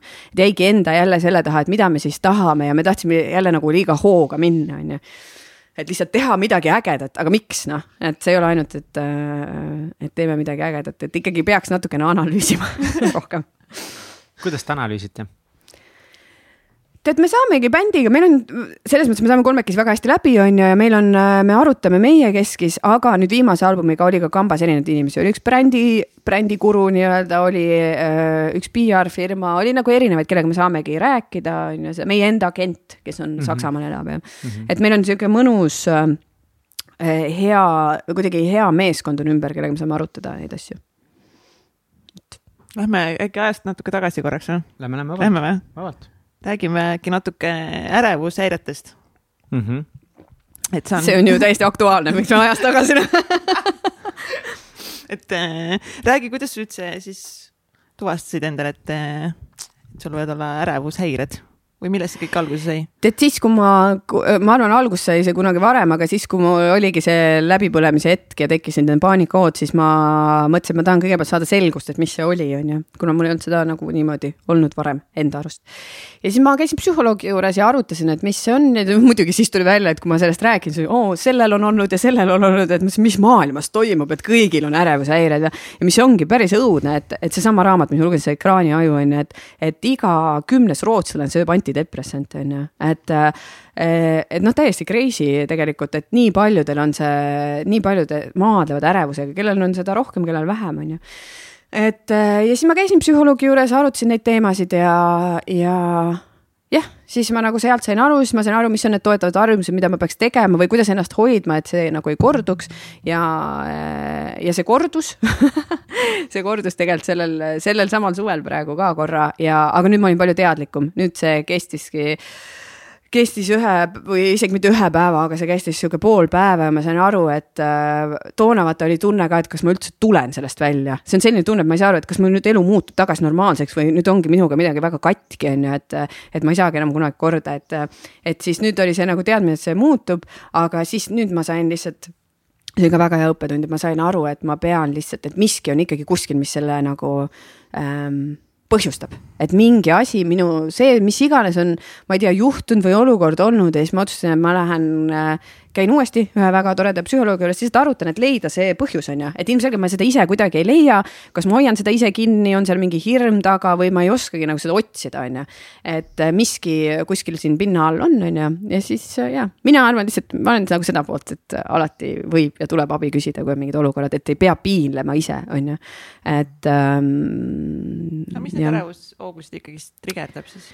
No minul trigerdab on magamatus, et äh, kui ma ikkagi ei saa magada ja, ja see on äh, ja teine asi on äh, ikkagi alkohol, aga seda ma sain aru juba mingi aeg tagasi, mul nagu ei olnud niivõrd füüsilisi pohmakaid. Ja see, see tuli, ma arvan jällegi äh,. ei, see tuli juba ennem, ennem last mingi hetk, aga ma arvan, et see tuleb jällegi nagu vanusega ka natukene, et äh, ma sain aru, et äh, mul nagu järgmine päev on siuksed emotsionaalsed pohmakad, nagu lihtsalt kuidagi emotsionaalselt tõmbab nii ikkagi alla, et mõtled üldse, et äh, mis, kuidas ma oma, mis ma üldse elan ja kuidas ma oma elu raiskan või ei raiska ja nüüd on see pohmakapäev ja see päev on täiesti raiskus ja noh, hakkab sellest pihta ja siis, siis kuni tõesti selleni, et appi, et ma noh, mis on, et tundubki, et nüüd maailm saab otsa ja, ja ma suren ära ja noh, sellised nagu hirmud on ju, et iseenda kuidagi võitled seal sees et ma ei tea, miks see selline tunne tekib, et see on, see on tõesti see kõik on ju jällegi hästi, on ju, aga ma arvan, vaata, see on natuke nagu see inimeseks olemine, et me ju tegelikult suremegi ära, et tegelikult ja. me ju teame seda. Ja lihtsalt äh võib-olla mõnda häirib see rohkem, see fakt, mõnda vähem, on ju. et mind igapäevaselt, ma ei kõnni ringi ja ma mõtlen, ma suren ära, vastupidi, et, et see fakt on tegelikult mind nagu aidanud elada täiesti sellist elu, nagu ma praegu elan, mida ma tohutult naudin, on ju. aga samas kuskil kuklas ma mõtlen lihtsalt seda, et appi, aga see elu võib ära lõppeda, see äge elu. et mind nagu, minu hirm on nagu see, et mm. ja, ja ongi ju, me teame, et niikuinii midagi mingil hetkel juhtub, vaata. et ükskõik, kui miljon toetavat harjumust sul on, ikkagi midagi üks hetk su elus juhtub, on ju et see on nagu see paratamatus, millega peab leppima ja ma arvan lihtsalt mingid hood, täpselt siis, kui sa oled väsinud või tarbid mingeid meelemürke, siis see lihtsalt toob selle tunde rohkem esile, on ju. aga, aga ega mul ei olnud, mul ei ole nagu seda eluaegu mm -hmm. eluaega olnud, et see ongi, ma arvan, see hakkas mingi hetk, ma olen sihuke, ma ei tea, kaks tuhat kuusteist võib-olla, kui me rohkem ka tuuritasime bändiga, noh siis need ajavahed ja noh magamata ööd ja siis nagu ei mõtelnud sellele. Ja muidugi book ime endale kella viieks hommikul lennuki nagu, samas võid minna ka pärastlõunal, no täitsa, täitsa ajuvaba on ju, peaasi saaks ruttu tagasi Eestisse, siis jõuab sinna festivalile pidu panema. noh, et selline nagu teised prioriteedid olid, on ju. et aga minu arust kõige hullem ongi see, et mis saab teha iseendale, on see, et sa jääd kinni mingisse eluetappi või mingisse vanusesse või mingisse olukorda, sellepärast et sa oled seal olnud, aga sa ei nagu taipa minna kaasa, et kuule, nüüd on nagu elu muutunud, on ju. noh, nagu minu puhul see, et kuule, nüüd sul on nagu laps, on ju, see ei tähenda, et sa pead kogu eelmise elu prügikasti viskama, enam ei saa suhelda kellegiga, vaid see, et sa pead nagu mingeid muudatusi tegema ja prioriteedid ka muutuvad, mis ongi, ma ütlen nagu mind, mind praegu ei eruta see, et näiteks homme reede õhtu on vaba, et ma lähen kuhugi, ma ei tea, peole on ju, mis kümme aastat tagasi ma oleks mõelnud, kuhu peole ma lähen? Aga nüüd mind erutab see, et ah, väga lahe, et me saame homme õhtu seal maal olla koos lastega ja lähme käime, ma ei tea, ujumas, lähme magama on ju, järgmine päev on kontsert ja ma saan täiega seda kontserti nautida, et, et noh, ongi need prioriteedid muutuvad, aga õudne ongi siis, et ja ma arvan, hakkavadki juhtuma siis asjad, kui sa jääd kinni mingisse, mingisse nagu hetkesse oma elus, mida sa ei saa, ei oska lahti lasta või, või sa ei saa aru, et nüüd on nagu või ei elu taha lahti muutunud. või ei taha lahti mm -hmm. lasta, just, et elu on muutunud, on ju sellega on hästi raske leppida. muidugi see muudatus alguses võib-olla ei ole see, mis sa tahad, et oleks või no ongi, kui sul on näiteks mingi FOMO on ju suur hirm selle ees, mis ja. tuleb, et. kuidas sa lepid selle muudatusega, eks ole, aga. aga Sten rääkis ka, et kuidagi tuleb see muudatus enda jaoks toimima panna lihtsalt. jah, ja vaata siis ongi, et ja kui ei saa sellega ise hakkama, siis ma ütlen, jumala okei okay on kellegagi sellest rääkida, et see mm -hmm. ongi. et kui ei ole endal võib-olla sellist sõpra või pereliiget ümber, kes nagu mõistaks, on ju, siis äh, täpselt mõne terapeudi, psühholoogi juurde pöörduda, kes oskab lihtsalt selgitada seda mida sa tunned, on ju, noh, aitab ka raamatute lugemine, kes on lugeja, on ju. millal sa läksid siis ähm, esimest korda psühholoogi juurde, kas sinu jaoks algus, kas sul olid ka mingi valehäbi selle ees või mis on hästi läbi, levinud tänapäeval, et või noh, see küll muutub kõvasti, et see muutub yeah. normaalsemaks, mis on normaalne. see Aga tead, ma ei mäleta, ma ei mäleta enam, millal, ma käisin äh,, issand, ma ei tea, võib-olla kahekümnendate keskel ühe, ühe korra käisin nagu, ma ei ole käinud äh,. no nüüd jah, paar aastat tagasi ma käisin niimoodi regulaarselt paar kuud, aga, aga kunagi ma käisin, ma ei mäleta isegi, mis see probleem oli, aga mm -hmm. ma mhm. tundsin, et ma kuidagi ei saa ise sellega lihtsalt äh, ei, ei suuda selgust leida, on ju. et ma ütlen, et nii sarnane on ka see, et, et äh, no näiteks USA-s on ju, inimestel on psühholoogid, inimestel on coach'id endal on ju. Eestis on see, et äh, isegi minu mentaliteet oli kolm aastat tagasi, kui Jalmar ostis selle ühe enesearengu raamatu, et oh, mis sa sellest ostad nagu, sa ise saad oma eluga hakkama, lõpeta ära, sul ei ole vaja mingit enesearengu raamatut nagu. ja tõesti, ma arvasin nii, aga inimesed kindlasti saavadki eluga hakkama, lihtsalt küsimus, mis see kvaliteet on. et kas sa saad seda teha palju ägedamalt, kas sa saad tõesti elada sellist elu, mida sa nagu tahad. et sa ei ole lihtsalt kinni selles mõttes, et minu elu ongi selline nüüd, ma ei saagi midagi muuta, on ju. tegelikult nagu nii tohutult palju saab ise muuta. ja, ja ma arvan, et äh, mõnes küljes ongi, miks USA, USA inimesed, et kui ma läbisin koolitust, siis isegi nendel coach idel, äh, kes olid kümme aastat coach'id olnud, on enda coach'id mm. -hmm. et nemad saaks ka selgust oma elus, et meil lihtsalt on vaja seda, et keegi aitab värske pilguga vaadata, on ju, on selleks siis tõesti, et sul on mingit arengut vaja või on mingid, mingid äh, sügavamad probleemid, et, et see oleks psühholoog, kes aitab lahti mõtestada, et see ei, see ei tähenda, et sa oled nagu hull peas, on ju. vastupidi, sa nagu hoolid iseendast, et sa hoolid iseendast, et sa saaks ise elada kvaliteetsemalt, noh. aga mis see sul et, äh, muutis arvamust enesearengu raamatute osas? kas asi? lihtsalt, kas sa ajapikku lihtsalt said aru, et. aa, mis muutis või? jaa, või et ma hakkasin ise. panid puid alla ikka. ma hakkasin ise sedasama enese, enesearengu raamatut lugema. mis raamat see oli see oli Brendan Bouchardi High Performance Habits. High Selline, Performance Habits. jah, see on väga hea raamat, et äh, ta on hästi praktiline ja see oligi, mis mind võlus, et äh, tegelikult Jalmar ostis selle märkmiku, äh, mis seesama mees on teinud ja mina olen märkmike hull, hakkasin seda märkmikku täitma, siis sain aru, kurat, ma pean vist natuke lugema seda raamatut ka. ja meil oli just seal voodi kõrval, lugesin ühe peatüki ja sealt läks edasi, et mulle lihtsalt meeldis see, et, et see raamat ei olnud selline, et mõtle positiivselt ja siis kõik tuleb, on ju. et muidugi see positiivne alguspunkt on oluline ja mõtteviis on väga oluline, aga see olid väga praktilised asjad, et kuidas luua enda ellu rohkem selgust, on ju, et või kuidas luua rohkem energiat, et mis, mille, mis ongi minu arust see selgus, energia on nagu esimesed kaks asja, kus hakata nagu üldse liikuma, on ju. ja, ja ma sain kohe teha mingeid harjutusi seal, mis mulle meeldis jälle, et mitte, et nüüd mine mõtle, mis sa tahad teha elus äh,. hästi tore, okei okay,, aga ma olen seda juba mõtelnud kolm aastat, on ju. vaid et ongi väga-väga äh, praktilised harjutused, on ju, et see kuidagi muutis, jah ja nüüd loed enesearengu raamatuid, vähe ei ole või äh,? jaa, ma loen äh, ma, kas ma loen enesearengu mm. äh,? kindlasti mingeid loen, ma ei tea, kas see ekraaniaju näiteks nutineti maailmast on eneseareng, ikka sa arendad nagu, ennast, on ju, et äh, jah, ma loen selliseid äh, infoküllaseid raamatuid äh, ka ja samas mu sõbrad just kinkisid mulle ja Jalmarile ka kinkisid ilukirjanduse väljakutse järgmiseks aastaks, ehk siis nad said aru, et me loeme juba nii palju igasuguseid selliseid arenguraamatuid, et nüüd on aeg ka ilukirjandust lugeda. Ja nad tegid niimoodi, et äh, kaksteist raamatut ja seal on erinevad äh, siis raamatud, mida me peame lugema, näiteks raamat, mis meeldib väga sinu emale on üks raamat, see on, sünnipäevaks saime, et järgmiseks sünnipäevaks on siis kaksteist raamatut, ei, mitte kaksteist raamatut, ei, nemad Aa, ei pannud raamatuid välja, vaid siis on näiteks, et raamat sinu parima sõbra raamaturiiulist või raamat, millel on väga ilus esikaas, siis seal oli raamat, mis on saanud selle Pulitzeri preemia on ju, raamat, mis on äh,, kus üks peaosaline on loom. Et sellised raamatud või raamat, mis on välja antud sinu sünniaastal on ju. Mm.. et äh, praegu on, praegu mul on käsil raamat, mis on kirjutatud Eesti autori poolt. vot see on päris lahe kingitus. see on väga lahe kingitus on ju, ja. ja see on naljakas, nagu see on eh, väga paljude eestlaste seas minu meelest ikkagi just see suhtumine kuidagi eneseabi või enesearengu raamatutesse üldse, et nagu ma arvan jällegi, et see on nagu muutumas, aga ma olen seda nii palju näinud ise ka või kuulnud kuidagi või. või ka mingi koolituste osas, et eh, üks asi on see, et üldse vaadatakse nagu niimoodi, ah, mis koolitus, mis mm. raamat, ma oskan, ma saan ja mida see muudab, on ju ah,. täpselt nagu mina kolm aastat tagasi. ah, mis asja on ju, siis teine asi on see, et, et noh, mingi koolituste suhtes, mida me enne ka saates rääkisime, nii kettas saab mind, et kui inimesed on niimoodi, et noh, lähevad kuskile koolitusse, hea küll, ma lähen siis on ju. Mm.. siis on mingi, no ma ei tea, neli tundi koolitus. issand, see kolmas esine oli nii mõttetu, et noh, see on nagu, et, et kui ma nüüd maksan seda juures, ma nagu ootan, et nüüd tuleb neli tundi jutti nonstop puhast kulda, et kui see ei muuda mu elu, kui mul ei ole külmavärin, et siis see on nagu mõttetu, kuigi nagu tegelikult noh, mis minu suhtumine on see, et kui ma saan sealt ühe mõtte mis aitab mul ühe sammu edasi liikuda, siis see on ju kõik seda väärt olnud, siis ma saan ühe mõtte, millega üks samm edasi liikuda, that's all you need, et sa vajad seda ühte head ideed mm., mis aitab sind edasi, aga mitte see, et nagu. ei no üheksakümmend neli lehekülge oli nii pask, ma ei tea noh.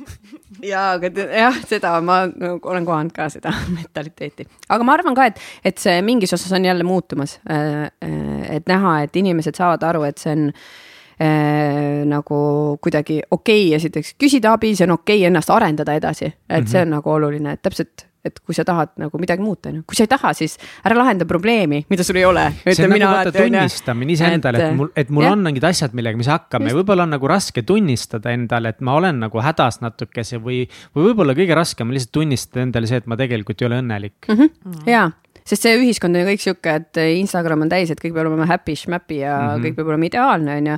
aga jah, eks see, eks me ise olemegi iseenda kõige suuremad vaenlased ju tegelikult jah mm., väga raske nendel tunnistada ja. mingeid äh.... aga tead, see on selline kergendus kui sa hakkad tunnistama ja sa hakkad nagu päriselt nagu vaatama endale otsa, et midagi ei ole ju halvasti, vaid et jällegi sa saad ju kõike seda muuta, on ju. Äh, ja hakkad ennast nagu kuidagi lahti muukima, see on minu arust kõige põnevam protsess üldse, äh, iseendaga nagu tegeleda. Äh, jah, jah I love it märkmikusse kirjutada, kõik minu jaoks see iseendaga tegelemine, ma ka nagu väga-väga pean lugusid.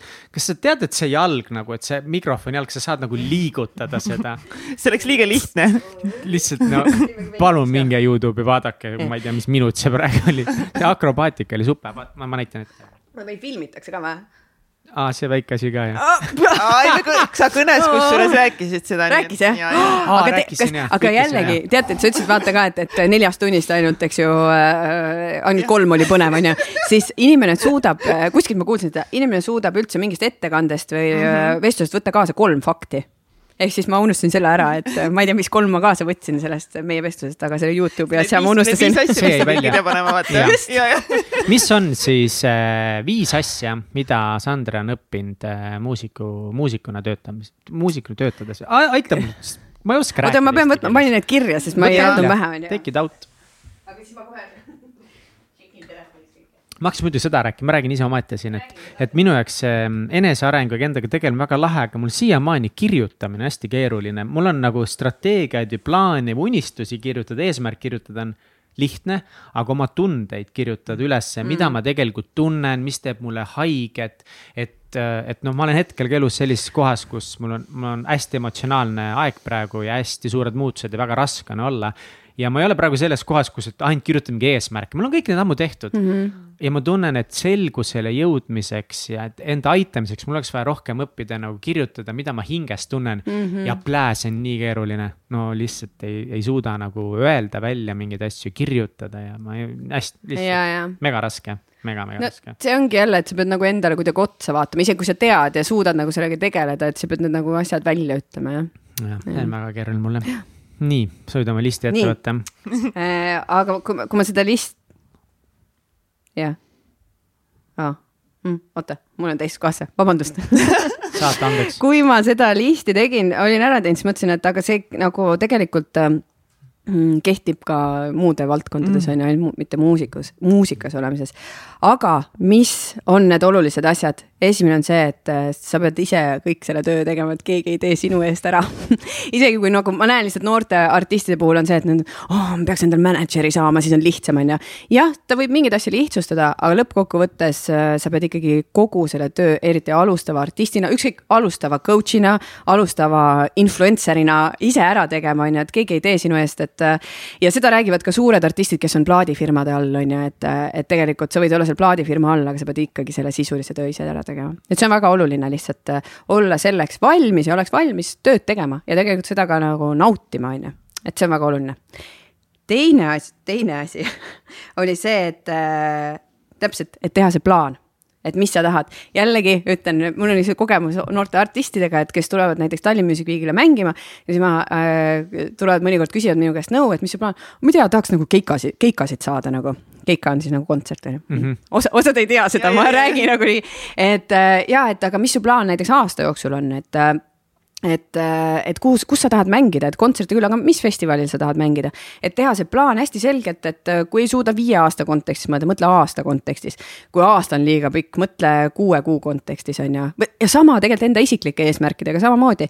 et teha see plaan, et mis on need eesmärgid ja mis on need reaalsed sammud, et ma jõuaks sinna eesmärgini nüüd juba nagu reaalsed sammud, et see võib olla suur unistus on ju. no näiteks, et ma tahan mm, džässkaarel mängida, on ju, okei okay., kuidas sa saad sinna džässkaarele? Noh, et siis oleks vaja, et keegi džässkaare tiimist, näiteks Anne Erm näeks mind mängimas, okei okay. äh,. sul ei pakuta ühtegi kontserti, kuidas saaks, et ta tuleb näha? okei okay,, korralda ise kontsert, tee mingi väike džässklubis kontsert, saada Anne Ermile kutse või tervele džässkaare tiimile, on ju. Nad tulevad sind vaatama ja sealt juba saab edasi vaadata, kas neile meeldib või ei meeldi, on ju. et tegelikult ka sellistele mm, või näiteks meil oli Roskilde festival, seda, seda teate, Taanis on selline, ei tea või? saad tagasi teha. nüüd saan mina suur rokkfestival on ju, et mõtlesime, et me tahame sinna saada. kuidas sinna saab, me peame esinema Taanis ühes klubis, mis on selle Roskilde bossu omaniku oma on ju. mõtlesime, okei okay,, kes tunneb meid, kes saaks meid äh,, keda meie tunneme või meie agent tunneb, kes saaks meid book ida sinna on ju. et tegelikult ju igale poole, igat asja on võimalik, lihtsalt tuleb väga praktilised sammud, mitte lihtsalt jääma ootama, et äkki kunagi potsatab mulle kiri Anne Ermilt, et ma saan džässkaarele, on ju. tervitused Anne Ermile. Äh, ei saanud veel, sest me ei saanud sinna klubisse minna mängima, sest meil kuupäevad ei sobinud aga see protsess käib nii. sa oleks võinud rohkem puid mul ikka alla panna nüüd selle eest, noh, sa olid tagasi, aga nüüd ma vaatasin, nüüd ma tean, nüüd ma tean, ma kohe. kolmas asi on see, et anda endast maksimum ja muusika olukorras siis tähendab seda, et vahet pole, palju seal publikut on. kas seal on seitse inimest või seal on nagu viis tuhat inimest, on ju. kunagi sa ei tea ka seda, et seal seitsme inimese seas võib olla mõni väga-väga oluline inimene, kes aitab sind karjääris edasi, on ju. ja jälle sama näiteks ähm, sotsiaalmeedia koha pealt, et vahet pole, kas sul on kümme jälgijat või sul on viis tuhat, sa ikka pead tegema, andma oma maksimumi, seda võimalikult hästi tegema, on ju. ja meil on olnud kusjuures bändiga selline olukord, kus me tuuritsime Euroopas, meil oli kuuajaline tuur ja meil olid kaks vaba päeva Tšehhis, Tšehhis jah. ja meil ei olnud ühtegi kontserti book itud ja siis ma helistasin oma sõbrale, ütlesin, et kuule, et äh, äkki sul on mingit nagu kontakti. siis jaa, davai, te võite ühes väikses klubis mängida, et seal on kahekümne ruudune tuba ja siis pärast niimoodi honorari saate nii, et panete mütsi ringi käima ja siis inimesed panevad sinna raha, on ju. me saime kaheksakümmend eurot sealt aga, aga meie mentaliteet oli toona ka see, et ei istu hotellitoas, lähme siis vähemalt mängime, me saame kogemust, on ju. ja mis tuli välja, see oli üks festivali korraldaja selle viieteistkümne inimese seas, kes siis kutsus meid järgmine aasta Praha Seven Island Festival oli ja mängisime seal päris laval, on ju. noh, et, et alati tuleb ja me andsime täiega, kütsime seal et alati tuleb endast anda maksimum. ahah, küsimusi ei ole, siis ma lähen edasi. number neli, eelviimane on see, et ole viisakas, sest maailm on väga väike ehk siis ükskõik, mis olukorras sa oled, kuhu sa lähed näiteks kontserti andma, kohtud uude, uute inimestega, sa alati ole viisakas, isegi kui olukord on väga sitt. Näit-, meil jälle näited, et meil on olnud siuksed olukorrad, me läheme kohale, me oleme saatnud tehnilise raideri, mitte midagi, ühtegi asja pole, on ju. isegi ühes kohas Poolas ei olnud isegi trumme. ja siis nad küsisid, aga kas te ilma trummideta ei saaks mängida äh, ei, päriselt ei saa, on ju. siis nad tegid nii, et andsid meile pudeli äh, kohalikku samakat ja ütlesid, oodake. ja siis sõitsid kaks tundi trummide järgi. ühesõnaga, aga me ei sõimanud neid läbi, vaid Äh, oluline on see, et mis meie, mida me oleme oma agendilt ka õppinud, et oleme viisakad, teeme ära selle kontserti. me peame niikuinii selle kontserti tegema. ja pärast kirjutame korraldajale, kuule, see ei ole okei okay ja nii, noh, see näiteks need tingimused meile ei sobi või nii edasi. ja jälle oleme targemad, et järgmine kord äh, nagu veel selgemalt kirjutada, mis on vaja, on ju. ehk siis see viisakas olemine, noh, see kehtib nii Eesti kontekstis on ju, Eesti on eriti väike, jutud yeah. liiguvad, on ju, aga tegelikult ka maailmas, kui sa ikka mingi tohutu pasa keerad kokku ja ise käitud nagu viimane mm, jobu mõtlesin, mis sõna kasutada, siis äh, käitud väga ebaviisakalt, siis tegelikult see sõnum jõuab sinna teistele korraldajatele ka ja sind lihtsalt ei kutsuta, on ju. ja viimane asi, mis mulle väga meeldib, mis ma arvan ka on igases, on muusikamaailmas, ma lihtsalt kuulsin seda, no means not yet ehk siis ei tähendab, et mitte veel lihtsalt ja me oleme ise seda jällegi kogenud, et me tahtsime saada ühte, ühele Uus-Meremaa festivalile, me öeldi kaks korda ei. ja siis me käisime Austraalias festivalil ja pärast seda üks nendest siis Uus-Meremaa festivali korraldajast nägi meid ja kirjutas meile, et me võime uuesti alustada läbirääkimisi mm. Et äh, ja see on igas valdkonnas on ju, et see ei tähendab, näiteks praegu äh, ma just panen oma uut kursust kokku, noh, selleks hetkeks juba käib, kui see, äh, kui see saade on Eestis, eetris, aga kliendid, osad ütlevad ei, osad ütlevad ja, on ju. et alguses mind ka nagu lõi rööpas, oh ta ütles ei, et ma ei sobi ja niimoodi. aga see tema jaoks pole veel õige aeg, tema ei taha äkki tegeleda nende teemadega, võib-olla tal pole isegi praegu vaja seal kursusel osaleda, on ju. et see ei tähenda, see ei tähenda jälle täielikku ei, et ta mitte kunagi ei ühine aga see tähendab mitte praegu, on ju. et võib-olla see pole lihtsalt õige aeg, et, et kui seda nagu meeles pidada, et siis on kuidagi mingid as-, mingit asjadest on ise ka palju lihtsam lahti lasta, mitte jääda ketrama, on ju me Katsiga kutsume seda no for now's ah,. vot, just, noh, sama no mentaliteet on ju. ja, ja, ja, ja väga, no see on müügis on see hästi oluline mentaliteet ja me oleme Katsiga mm. mõlemad palju müüki teinud, et mm. ja seal on just eriti oluline see, et ei, ta ütleb ei, aga ta ütles ei praeguseks ajaks lihtsalt, et. Ja samamoodi on ka, ma arvan, meie saatekülalistega, et kõik, kes meile ei öelnud, on meie jaoks, see on, see on lihtsalt no for now. õige. ja, ja ka ongi ju. jah, ongi. ja ongi see on eh, väga lahe suhtumine. aga kas teil on olnud kedagi, kes on ütelnud nagu ei, ei, ei ja siis on lõpuks tulnud saatesse? Alar Ojastu on nagu, keda ja. me pikalt oleme tahtnud saatesse saada, aga kes on öelnud, et praegu pole õige aeg, praegu pole õige mm -hmm. aeg ja siis äh, nüüd kuu aega tagasi ütles, okei okay, sõbrad, ja, ja, ja, ja no,, ja täiega, täiega, see hooaeg on no see hooaeg ja nüüd no, me klapitame no, nagu aeg, et, et, et lõpuks ikka. Teet Margna ütles väga kindlalt ei, noh, väga viisakalt nagu saatsid emailist, ütlesid taga, et ei anna, ma usun, et ühel päeval. ta tuleb, me pruutisime teda esimesel hooajal ka vaata, nagu me ise ka ei teadnud, kes me oleme ja mis me teeme umbes nagu, et kohe noh et ma arvan, et võib-olla nüüd juba tasuks, et äkki tal on uued mõtted. ega ei tea, muidugi kõik. inimesed muutuvad. jaa, absoluutselt. kolme aastaga väga palju. jaa aga. Sandra on siin palju muutunud. ma natukese tahaks veel siin äh, lõpupoole uurida no. sinu sellest coaching'u teekonnast, miks sa selle sammu ette võtsid, kuidas see sinu ellu tuli? Äh, see tuli tegelikult äh, suht peale seda, kui mul see äh, läbipõlemise hetk oli, siis ma olin juba hakanud neid samase Brendan Bouchardi raamatuid lugema ja mingeid kursused võtsin, online kursuseid. et see kindlasti ka mind toetas, et ma sellest ikkagi suht, ma arvan, ruttu nagu välja tulin, on ju, või noh, välja tulin, seega see jääb minuga, need ärevushäired, lihtsalt, et ma oskan nendega nagu toime tulla.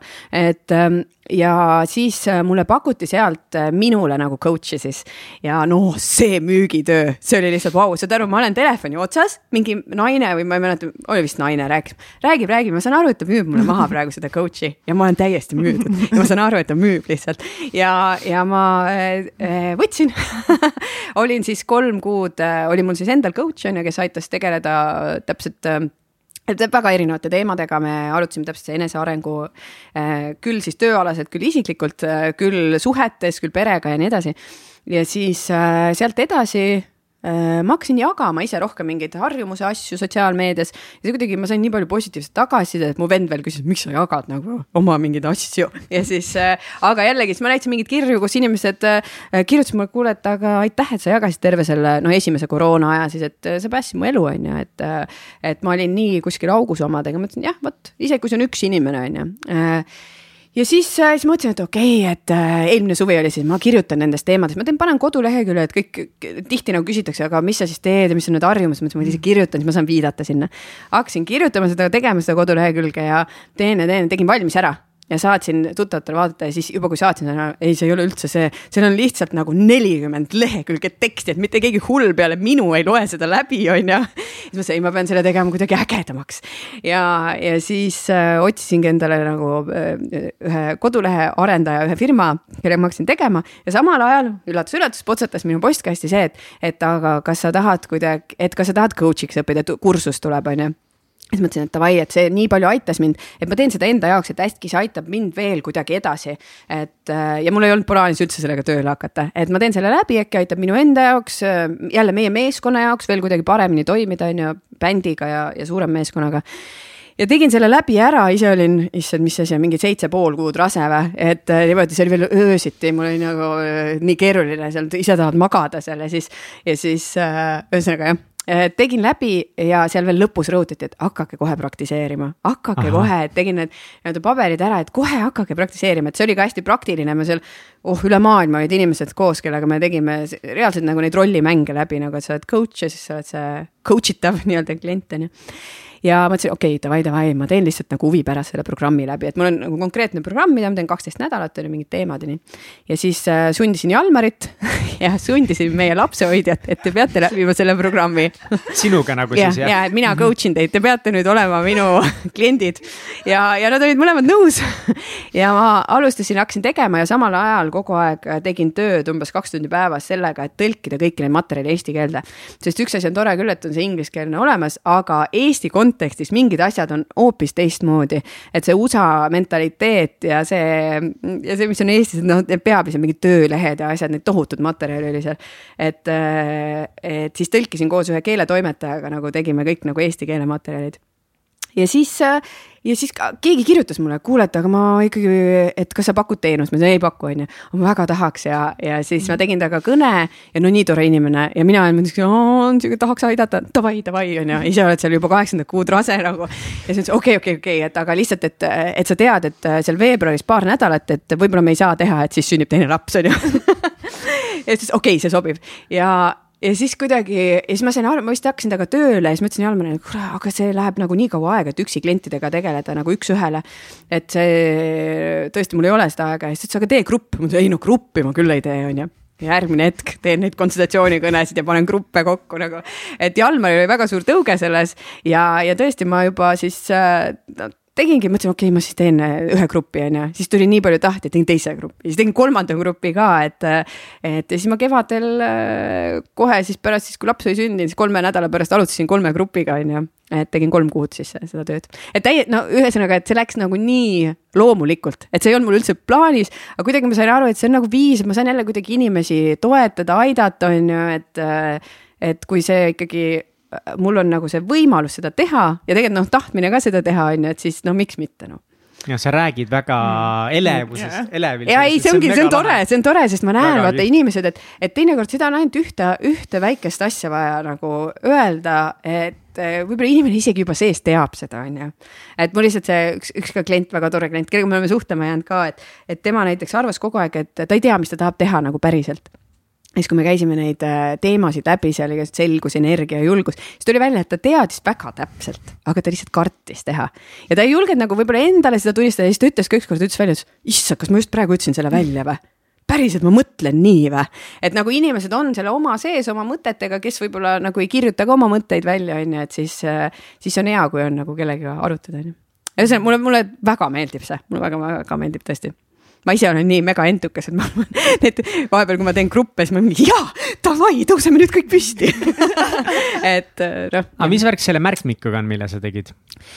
Tead, selle märkmiga on nii, et ma eluaeg tundsin, ma ma tahan teha kunagi märkmikku, ma kunagi nagu alustasin ka, siis mõtlesin, ei no mis mina nüüd teen märkmikku. No, mis, no, mis mina teen, just, just, just. Ja kusjuures see arengutreeniga oli ka see dilemma, et kui ma ei oleks oma nagu elustiili muutnud, ma ei oleks loomulikult mitte kunagi sinna jõudnud, aga täpselt see mõtteviis endast, et kuidas ma ennast näen, on ju, et see äh, üleüldse see selguse loomine hakkab ka sellest, et mitte lihtsalt, et ma mõtlen oma eesmärgi, et oh, ma tean väga täpselt, mis ma tahan, aga küsimus selles, et kuidas sina ennast inimesena näha tahad, kes sa tahad üldse olla, on ju, et seal tuleb nagu minna sinna nagu sügavamatesse kihtidesse, mõelda, et mis, kuidas sa tahad, et teised sind näeks, mis elu sa tahad elada, on ju.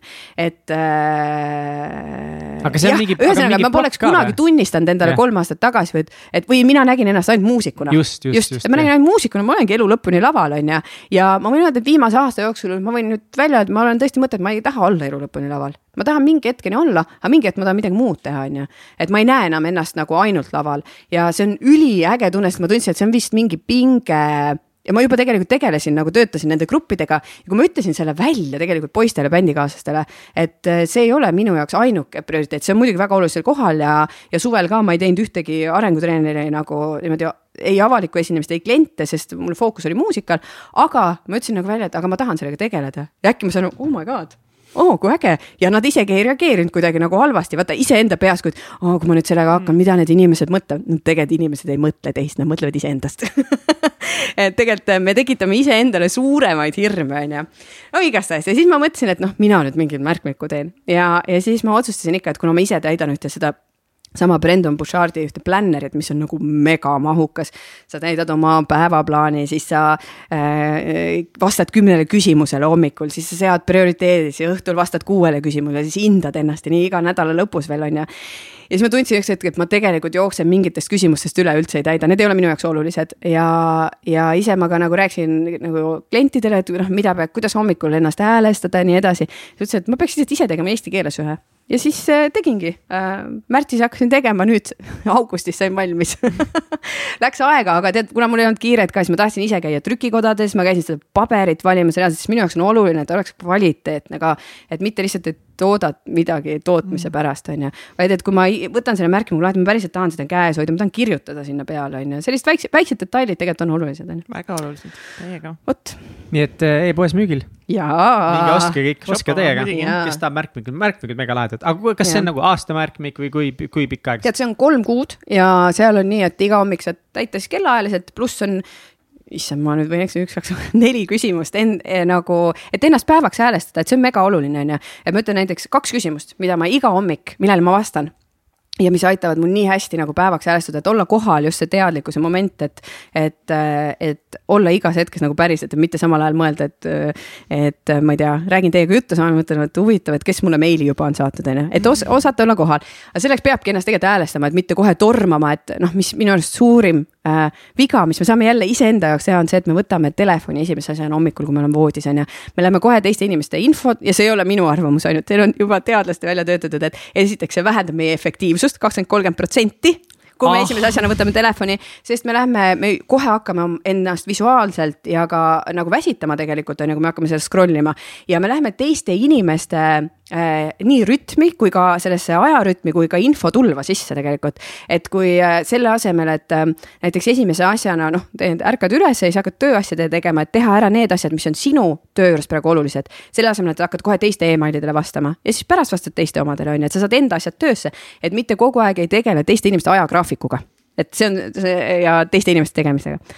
ühesõnaga, oota, see on mingi mega pikk mõttearendus kuskilt. I love it ma sain palju. kaks, ah, kaks, kaks küsimust, mis ma hommikul, et siis, et hommikul häälestada ennast, äh, ma küsin, ma kirjutan reaalselt onju, et üks asi, mis, mida ma väga ootan tänaselt päevalt Äh, täna hommikul oli see selle saate salvestus, et üks asi, mida ma tõesti, mida ma ootan nagu ja, ja mõnikord on see, et ma ootan näiteks seda, et äh, ma ei tea, lõunapausi. Või on see, et ma ootan seda ühte tassi kohvi, mis, mis iganes see kellelgi on, on ju.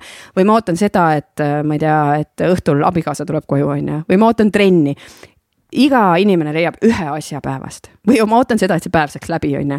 et eh, see on nii oluline, et me tekitame iseendas ka selle ootusärevuse, sest jällegi on psühholoogid on kindlaks teinud, et, et see, kui me tekitame selle ootusärevuse, siis see tekitab meis sama palju äh, neid õnnehormoone kui see, kui see asi on käes. on ju, ehk siis ma olen no,, kirjutasin selle ära täna hommikul kell kuus, juba kuus tundi ennem kui ma jõudsin siia, on mul väga hea tunne, sest ma tean, et mul on midagi ägedat täna oodata, on ju et see on üks küsimus ja teine väga oluline küsimus äh, on see, et, et mis on see üks asi, mis mind täna ajab stressi või mis on see üks asi, mis ma tean, on väga raske, millega ma pean tegelema. ja ma panen selle kirja ja selle juures on veel see oluline see, et ja kuidas ma selles olukorras käitun on see näiteks mõni vestlus kellegagi, on ju, siis ma mõtlen läbi, okei okay,, et kuidas ma saaks vähendada seda stressiolukorda, kuidas ma saaks lahendada selle paremini, on ju. ja see stressiolukord ikkagi tuleb, aga tolles olukorras, kui sa siis oled, siis oskad seda palju paremini lahendada, sest sa oled selle läbi mõtelnud. sa ei jäta lihtsalt emotsioonide ja tunnete valda seda, et mõtled, mul tuleb nii õudne vestlus, õudne vestlus, õudne vestlus, siis on see käes ja see ongi väga õudne. aga mõtled, okei okay,, mul tuleb see õudne vestlus, aga äkki kui ma näiteks läheneks selle nurga alt või ma mõtlen välja need asjad, mis ma tahan öelda talle, et siis ma lahendaks selle paremini, on ju või on see, minul on näiteks eile hommikul oli, ma panin kirja, et mis on kõige stressirohkem asi, on praegu pakkimine. et ma pean terve pere ära pakkima, et minna nädala lõpuks Viljandisse, onju. siis okei okay,, kuidas ma seda teen, davai, ma esimese asjana praegu teen selle nimekirja, mis on kõik vaja pakkida mm. -hmm. ja kui ma hakkasin lõpuks pakkima, siis see oli väga lihtne, ma lihtsalt tõmbasin maha, onju. sellised väiksed asjad, et aga me kaardistame ära nagu enda selle päeva laias pildis, et üks, mis on asi, mida me väga tahame, on ju, üks asi, mis on nagu tekitab stressi, sest paratamatult isegi ükskõik kui hästi sa oma elu planeerid, kui üks, kui ägeda mõtteviisiga sa oled, siis neid asju ikka tuleb, on ju. et, äh, et sellepärast ma tegin selle märkmiku oli see pikk jutt, et inimesed saaksid nagu korra vaadata väga lihtsate küsimustega tegelikult on ju, et see võtab võib-olla viis minutit aega, aga, aga see on oluline, see viis minutit ja nüüd keegi ei tohi neid küsimusi ise paberi peal teha. ei no võite, nad võivad teha, aga, aga ei viitsi, ma, ma olen näinud seda, et inimesed ei viitsi ise nagu teha, on ju, et aga kui on siukseid järjepidevaid, siis. kohe minema laskma. aa, issand, kell on kaks uh,. Thank god. ma siis ei lähe. ja ära mine ja oh my god, ma vaatasin, et kell on kolm juba. ma ehmusin suht ära, et meil on kümme päeva, kümme aega ja meil on veel natuke, natuke on veel aega. saame veel. ma tõusen korraks püsti. mina lähen vetsus selle peale. mine aga saade nagu jätkub või? jaa, meil samal ajal alati asjad jätkuvad. aga siis sa ei tea ju, millest me räägime. oh, see ongi põnev, see ongi põnev me saame Sandraga senikaua rääkida näiteks eh, emaks olemisest võib-olla natukene veel, sest ma tean, et meil on hästi palju üle kaheksakümne protsendi kuulajatest on tegelikult naised. on nii jah? Ja,, sama, ei mul on vist isegi rohkem eelkäijad on naised. Et enamus, kes jah, meie sisu tarbivad, on eh, naised, tervitused kõigile. Ja paljud on ka, ka emad ja, ja kui me kõnes ka mainisime, siis sind on meile väga palju soovitatud eh, saatekülaliseks siin juba aastaid on ju. nüüd me võtsime ennast no,, eh, ennast kokku. ja ma võin öelda siin kuulajatele, ma ei ole ütelnud ei, nad ei ole lihtsalt küsinud nüüd oli, oli õige aeg. kuidas, mis, mis põhimõtetega te oma lapsi kasvatate? Äh, tunde järgi, et meil ei ole mingeid ähm, selliseid tohutuid reegleid külmkapi peale kirjutatud, et nüüd nii või nii. aga äh, mis on minu lihtsalt teatud äh, põhimõtted on see, et kui ma olen lapsega, siis ma olen sada protsenti lapsega. ja see, see ei olnud esimene aasta, ma ütlen kohe, ma ei olnud see ema, sünnitasin lapse ära, kohe olin ideaalne ema. ja ma ei ole kindlasti ideaalne ema ka praegu, aga, aga on mingid asjad jah, et, et sellepärast, kui ma planeerin oma tegemisi, et kui mul on see aeg, kus ma olen lapsega või ta hommikul ärkab, siis on sada protsenti fookus temal, ma ei näpi oma telefoni, ma ei ole arvutis, on ju, muidugi juhtub neid hetki ka vahepeal, aga, aga ma väga teadlikult proovin seda mitte teha. Et see on üks asi ja teine asi, et on mingid teatud äh, rutiinid meil kodus, täpselt see, et magama minekut me väga hoiame lastel, et äh, täpselt, et endal äh, noh, üks asi, mina olen suur unekooli pooldaja, mõned emad võivad praegu minestada, et äh, kuidas sa lased oma lastel karjuda, tegelikult saab unekooli teha ka nii, et teed seda leebelt. mis see une, mis ah, asi on unekool? kes ei ole emad, kes ei ole unekooli. ja näed, unekool on selline asi põhimõtteliselt, et sa õpetad oma lapsele selle oskuse äh, magada on ju, et ta suudab iseseisvalt uinuda, et ta suudab läbi öö magada, et ta suudab oma uned teha oma voodis. sest mida mina tegin ka esimese lapsega oli see, et me võtsime ta kaisu endale, see oli mul väga teadlik otsus küll, et me võtame kaisu, aga ta jäi magama ainult minu äh, kõrval, minu rinna otsas on ju, et see oli miski, mis ta oli ära harjunud, ma olin ise õpetanud ta niimoodi. aga üks hetk see oli ju, hakkas täiesti ajudele, kui ta neli-viis korda öösel ärkas on ju, siis mina ka ei saanud magada ja siis ma otsisin abi ja leidsin, et see unekool talle õpetada, kuidas ta suudaks ise oma voodis, oma toas magama jääda ja see tõesti võtab äh, järjepidevust, see võtab natuke aega. meie, meie laps muidugi suutis, kui me selle, selle esimesele lapsele siis õpetasime, esimene õhtu läks poolteist tundi. me olime ta juures, me ei lasknud tal karjuda teises toas, vaid olime seal juures ja ta nuttis loomulikult, sest see on ebamugav olukord talle on ju, et äh, üks naine kirjutas mulle, et, et mis metoodikat sa kasutasid, igastahes, kui seal on nutuga, siis mina ei kavatse seda teha. esiteks ma ei sundinud sind seda tegema, et sa ise kirjutasid mulle, et ja paratamatult on nutt sellepärast et kui näiteks sinul võetakse ära olukord, sul võetakse padi ära, sul võetakse tekk ära näiteks, sul tehakse see olukord täiesti teistmoodi, kui sa oled harjunud magama. oleks, võib-olla sa ei nutaks, onju, aga no,, aga oleks väga, oleks väga ebamugav, nii. ja kui me lapsele ka nüüd oleme kuidagi ta harjutanud magama, siis kui me need äh, nagu muudame tema keskkonda, siis loomulikult on alguses pahane ju. et äh, aga kui sa oled seal juures, sa näitad, et see on okei okay,, ma ei kao kuhugi ära, onju, ma ei jäta sind kisama. igastahes esimene laps, poolteist tundi võttis esimene õhtu, aga siis tõmbas kaksteist tundi jutti ja me saime aru, et tegelikult tegelikult ta oskab väga hästi magada, me olime lihtsalt harjutanud ta sellega, et ma, ta oli mu kaisus on ju, ta oli sihuke, ütlesime halb magaja on ju, aga me ei olnud talle andnud võimalust isegi magada oma voodis, õppida ise on ju, et see on nagu minu arust vanemate kohustus õpetada lastele mingeid ikkagi häid harjumusi on ju, et ei ole see, et minu laps on tohutult halb magaja, et äh, jah, võib-olla mõnel on mingi terviseprobleemiga, ma ei ütlegi, et alati on erandeid, aga enamus lapsi saab väga hästi tegelikult õpetada neid oskuseid, et meie näiteks õpetasime praegu ka meie neljakuusele noh, ma tean, et ma olen ütelnud välja, et on, mul on neljakuune ja siis ta magab öö läbi ja ma olen täitsa maganud. ema, mis asja, sul on neljakuune on ju. ja, ja, ja, aga see ongi see, et me õpetasime, temaga läks natukene läks kauem, aga, aga ta magab kõik uned oma toas, õhtud oma voodis on ju, et.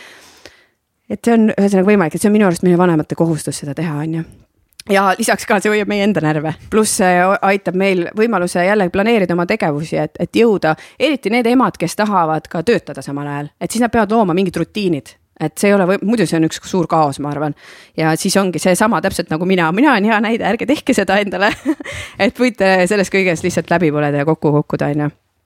et jah, et sellised, sellised asjad, aga aga muidu noh, mis meie, me võtame lapsi igale poole päris palju kaasa, käime igal pool looduses on ju, siis sama meil on äh, iga pühapäev on nutinetivaba pühapäev, ehk siis me ei ole ekraanides ja meie poeg teab ka seda, kui ta ütleb, ma tahaks multikat vaadata, siis ma ütlen, Villem, aga meil on ju nutinetivaba pühapäev ja siis ta on sihuke oh,, see on hästi tähtis et. see on väga et, püha. jah, see on väga püha jah. et ja me käime matkamas ja, ja me kaasame lapsi jah, et äh, mitte küll kontserdi, õhtustele kontsertidele ma neid ei võta kindlasti, et siis on nende uneaeg. aga muidu, äh, et rei-, noh reisida ka pole praegu saanud, tõesti, ma räägin sihukest asja, mida me ei tee. me käime palju maal äh, ja minu jälle üks põhimõtteid on need, et, et ma tahan, et lapsed kasvaks ka teistega, vana, vanavanematega mm., siis meil on üks hästi tore minu sõbranna ja tema mees, kes vahepeal hoiavad meie laps, nad lähevad lihtsalt nende juurde vahepeal et äh, sest neile meeldib noh, noh kolmesele meeldib väga, küsib, et millal ma saan juba minna, on ju. sest lapsed õpivad teistes keskkondades jälle hoopis midagi muud, nad õpivad neid inimsuhteid, nad õpivad seda, kuidas teiste inimeste elukorraldus on, on ju, ja see ainult arendab ja rikastab neid, et. et sellepärast on äh, me ka, mitte et me to oleme tohutud rongavanemad, et jätame oma lapsi kogu aeg, aga ma näen, ta tuleb tagasi, ta on sealt oh, jälle midagi nagu õppinud, on ju et äh, pluss ta õpib enda kohta, ta õpib teistmoodi käituma, on ju, et jah, ühesõnaga sellised. kas alguses lapsehoidjat oli keeruline usaldada või pigem mitte? ja ei, no me alguses ikkagi olime seda, et me peame ise hakkama saama, me ei võta mingit lapsehoidjat, kuidas me ei saa ise oma beebiga hakkama. ja siis kuuendal kuul vist Villem ja siis meil tuli lapsehoidja ja, ja teise pojaga oli nii, et ma tulin, ma tulin haiglast koju, siis ta oli juba seal ei no ta andis vanema yeah. pojaga, aga ka väiksemaga me jätsime kohe esimesest nädalast, et. et see on hea, see, ma, ma saan aru sellest, mul oli ka esimesed korrad, et ma ei suutnud kodus olla, ma pidin ära minema. et lapsehoidja tuli, aga ma pidin kuskil mujal midagi muud tegema, sest kui ma kuulsin seda nuttu, siis ma mõtlesin, ma pean ju minema, ainult mina oskan aidata, on ju. et jällegi lapsed saavad väga hästi hakkama ja kui nad on turvalises ja te teate, et nagu on hoitud kohas on ju ja toredate inimestega, siis ei ole tegelikult midagi karta, et vastupidi, et lastele ka see meeldib, et lapsed tohutult mõtlevad äh, nagu teie peale või noh, vanemate peale, oo miks ma ei saa, ei mõtle tegelikult, neil on väga mõnus seal on ju, nemad on hetkes, nemad on veel rohkem hetkes on ju, et ähm, jah mm -hmm.. et see, ma olengi aru saanud, et see tugisüsteem on nii oluline, et, et kui kogu aeg Kristel Kruusti käest ka küsin nagu, et nagu how do you do it all nagu, et ja. olles nagu on ju abikaasa, ema, ettevõtja, kõik sellised ka ainult nagu tugisüsteem, lapsehoidjad, vanavanemad, sõbrad, tuttavad, kõik, kes nagu aitavad sind päriselt nagu selle teekonna kaasa ja see ongi ja, ja laps ju ise areneb selle juures ka, et, et lapsele see on ka mingi uus keskkond, mis on väga hea, et see ei ole ainult see, et mina saaks tööd teha, on ju. et äh, loomulikult me maksame päris palju lapsehoidjale, aga ma ütlen jälle, et, et see on äh, ka näiteks vajalik, et ma, ma tahan seda tööd ka teha, sest kui ma teen seda tööd, mis ma teen, olen laval, siis ma olen palju õnnelikum ka kodus, on ju, et äh, see on oluline minu jaoks, on ju ja ma näen ju seda laste pealt, lapsed on nagu rõõmsad ja kõik on nagu hästi, on ju. Mhm. aga mis on mingid väljakutsed praegu laste kasvatamisel? oh, neid äh, eks neid ikka tuleb. Praegusel hetkel, issand mm, mõtlen praegu, hetkel vist, ma ei saa öelda, et kõik on hästi, ma sõnan selle kohe ära, on ju. et äh, loomulikult selle kaheaastasega on olnud siin igast emotsionaalseid asju, et kuidas ikkagi vanemana teda toetada tema tunnete arusaamisel ja ma olen selle kohta ka hästi palju lugenud, et lihtsalt olla teadlikum lapsevanem, on ju. Äh, et äh, ta, temal on ka emotsioonid, et kuidas, ma lugesin just hea, hea raamatu läbi, et kuidas rääkida las-, kahe kuni seitsmeaastaste lastega, nii et nad sind kuulaksid. ja teate, see on super raamat ka täiskasvanutega suhtlemisel. mis raamatu nimi oli? kuidas suhelda kuidas rääkida kahe kuni seitsme aastasega nii, et nad sind kuulaksid, sa peaks andma, on ju, otsingus. Et äh, ja see on äh, tõesti, äh, et neil on täpselt samamoodi tundeid, mida tuleb aktsepteerida, mida tuleb peegeldada, on ju. et see, kui ta ikkagi selle torni seal ära lõhkus ja ta ütleb, siis sa ei saa öelda, et pole hullu, on ju, või see torn läks katki, ma ei tea, Lego torn on ju. tema jaoks on, tema jaoks on see kõige hullem asi praegu on ju. või sul kukub praegu arvuti maha on ju, pole hullu nagu, noh, tegelikult on väga hull on ju, no tegelikult on väga hull on ju. et, et samamoodi lastel on lihtsalt teised mured on ju, et ja seda tuleb kuidagi, seda tuleb aktsepteerida ja kui jälle ise ei oska, meil oli üks olukord ka lapsega, et kus ma tundsin, et ma ei oska teda aidata praegu, ma ei tea, mida ma, kuidas ma pean käituma, et, et ta saaks kuidagi seda toetust, on ju, ja siis ma võtsin ühendust ühe lastepsühholoogiga, rääkisin, meil on selline olukord, et millest see võib tulla, mida mina saaks igapäevaselt teha, et, et jällegi haiglast ju ei anta kaasa. Jah, manuaali või kuidagi ei progeta sulle sisse seda, et sa oskad nüüd igas olukorras käituda, see polegi võimalik, on ju et aga abi saab alati küsida kas teid häirib, et ma seisan või? aga ma olen nii lühike, et see on okei okay,, onju. ja, ja ma mõtlesin, see ei ole eriti vahet nagu ei, see on nagu Sander teeks mingi kont, vaata nagu esineks meile kontserdil, me oleme lihtsalt siin nagu teisel pool laua. ei jõua nii pikalt istuda ja siis ma lugesin ühte fakti ka, selle peale te muidugi hüppate mõlemad püsti, onju. et, ähm, et pärast kolmekümmet minutit istumist meie ainevahetus aeglustub üheksakümmend protsenti. üheksakümmend protsenti? jah ikka ei viitsi või? ei aidanud, okei okay,, teid ei motiveeri. nii. savi, nii mina on pekkis kõik nüüd väga hea suhtumine, niikuinii, mis siin hakata väikseid asju muutma elus, niikuinii on pekkis kõik nagu. niikuinii sureme kõik ära. mina nagu mõtlesin selle peale, et kas me peaksime endale ostma laua, mida saab nagu noh, püsti siia panna, sest tegelikult nagu. see võiks olla teie uue hooaja eesmärk. Jah, käsi saab toetada ja värki jah, ja mul kodus ja kontoris on töölaud on, kus saab. Ja ikka ma ikka päris palju kasutan püsti ja sest no keha väsibki kuidagi nii ära mm. -hmm. kuulsin, lugesin kunagi mingit artiklit ühest New Yorgi ärinaisest, kes on nagu trenažööri peal laseb. et ta mm -hmm. samal ajal kõnnib, on ju, oma kontoris ja ma siis. ma olen ka näinud kuskil neid ja, ja, ja, ja mul oli üks äh, töökaaslane, kes äh, ka Helmeses töötas või jah, siiamaani töötab ennast teises tiimis nüüd mingi, ma ei tea, viis aastat äkki töötanud, kuus aastat Helmes juba. ja me ei ole mitte kunagi näinud teda istumas mm ta, tal vist isegi ei ole tooli ammu enam oma laua taga, ta ongi, ta töötab ka ainult. väga hea meetod mingit tool ära kaotada. aga samas nagu tegelikult ma mõtlen, et tal on koosolekuid ikka iga päev mingi kaks tükki vähemalt, et siis ta mõnikord peab istuma koosolekuruumis mm. nagu, võib-olla isegi siis, seisab, aga nagu laua taga alati ainult seisabki. aga see võib olla ka kahjulik, ma tean ka ühte inimest, kes ka hakkas seda mm. lauda kasutama, ainult seisis, seisis lõpuks hakkas seljale, on ju.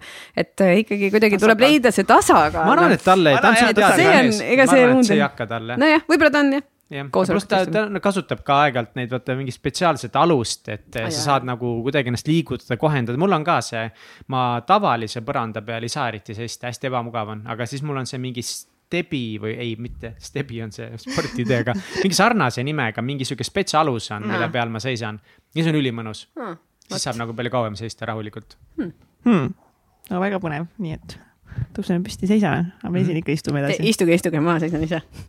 ma, ma nüüd olen kahe vahel, ma nagu ei tea, mida teha lebo, ma viskan üldse lebosse. jääme üldse magama, nii. kas tahad veel ematuskohta küsida? ei, ma ei, ei vist, vist ei soovi ma, rohkem rääkida. ma tahan, ma tahaks ikkagi nii? selle, see Jalmari ja selle suhte kohta nagu teada, see oli nii huvitav, et see Jalmar ja see suhe. et see Jalmar ja see suhe ikka, et sina nagu ütled, et te olete nagu, oota, kumb nüüd ütles, et, et ühe korra nagu lahku läinud ja. Jalmar. Jalmar ütleb ühe ja. korra, sina ütled, et. Jalmar on korda, ma ei tea, mitu, aga ma arvan, et mitu korda et kuidagi hea, me käisime koos koolis, ülikoolis olime koos ja mingi vahe isegi ühel kursusel nagu. Mm -hmm. ja, ja siis äh,, aga võib-olla mina loen seda korda ka, et ma üks, see oli vist esimene kord, kui ma tahtsin teda maha jätta, mulle tundus ikka, et ta on nii noor. ta on minust kaks aastat noorem, onju, aga et äh, see oli meie, ma arvan, kahekümnendates kuskil, et ta on nii noor, et äh, ja siis ma kirjutasin talle kirja. Ja me elasime toona koos Viljandis korteris ja siis kirjutasin kirja ja tulin õhtul tagasi, noh, ma teadsin, et ta läheb koju, onju, loeb, läheb ära. Ja siis tulin õhtul tagasi, ta oli seal ta ei olnud ära läinud, ta ei saanud aru kirjast, et ma jätsin ta maha päriselt või? ja, ja siis ma küsisin, et kuidagi ka, et hiljem ma olen vist küsinud, et mis sa mõtlesid, ta ütles ei, aga ma ei tahtnud ju ära minna mis? Nice, shout out to Jalmar lihtsalt nagu ma ei, ma, oh, nagu, ma ei taha ära minna. ja siis me olime ikka mingi aja veel koos, aga siis ikkagi siis ikka läksime lahku. siis ma vist teinekord enam ei kirjutanud, vaid ütlesin talle. mis siis, mis siis juhtus? Ei midagi nagu juhtunudki, ma tundsin kuidagi, mina nagu tundsin mm, -hmm. et see võib-olla ei ole päris see ja siis ma käisin, elasin Rootsis mingi aja. õppisin seal üli, ülikoolis jah. tead, saksofoni õppisin jah, Kuningrikus Akadeemias ja siis äh, siis kuidagi jah, ma ei tea, ma ei mäletagi täpselt, mis seal oli, ei olnud mingit draamat selles mõttes. see oli ikka et... nagu tähtedesse kirjutatud, et te ikka peate koos olema. aga elu ja. tõi tagasi, aga kuidas te siis äh, kuidagi. pärast seda, kuidas te uuesti kokku saite?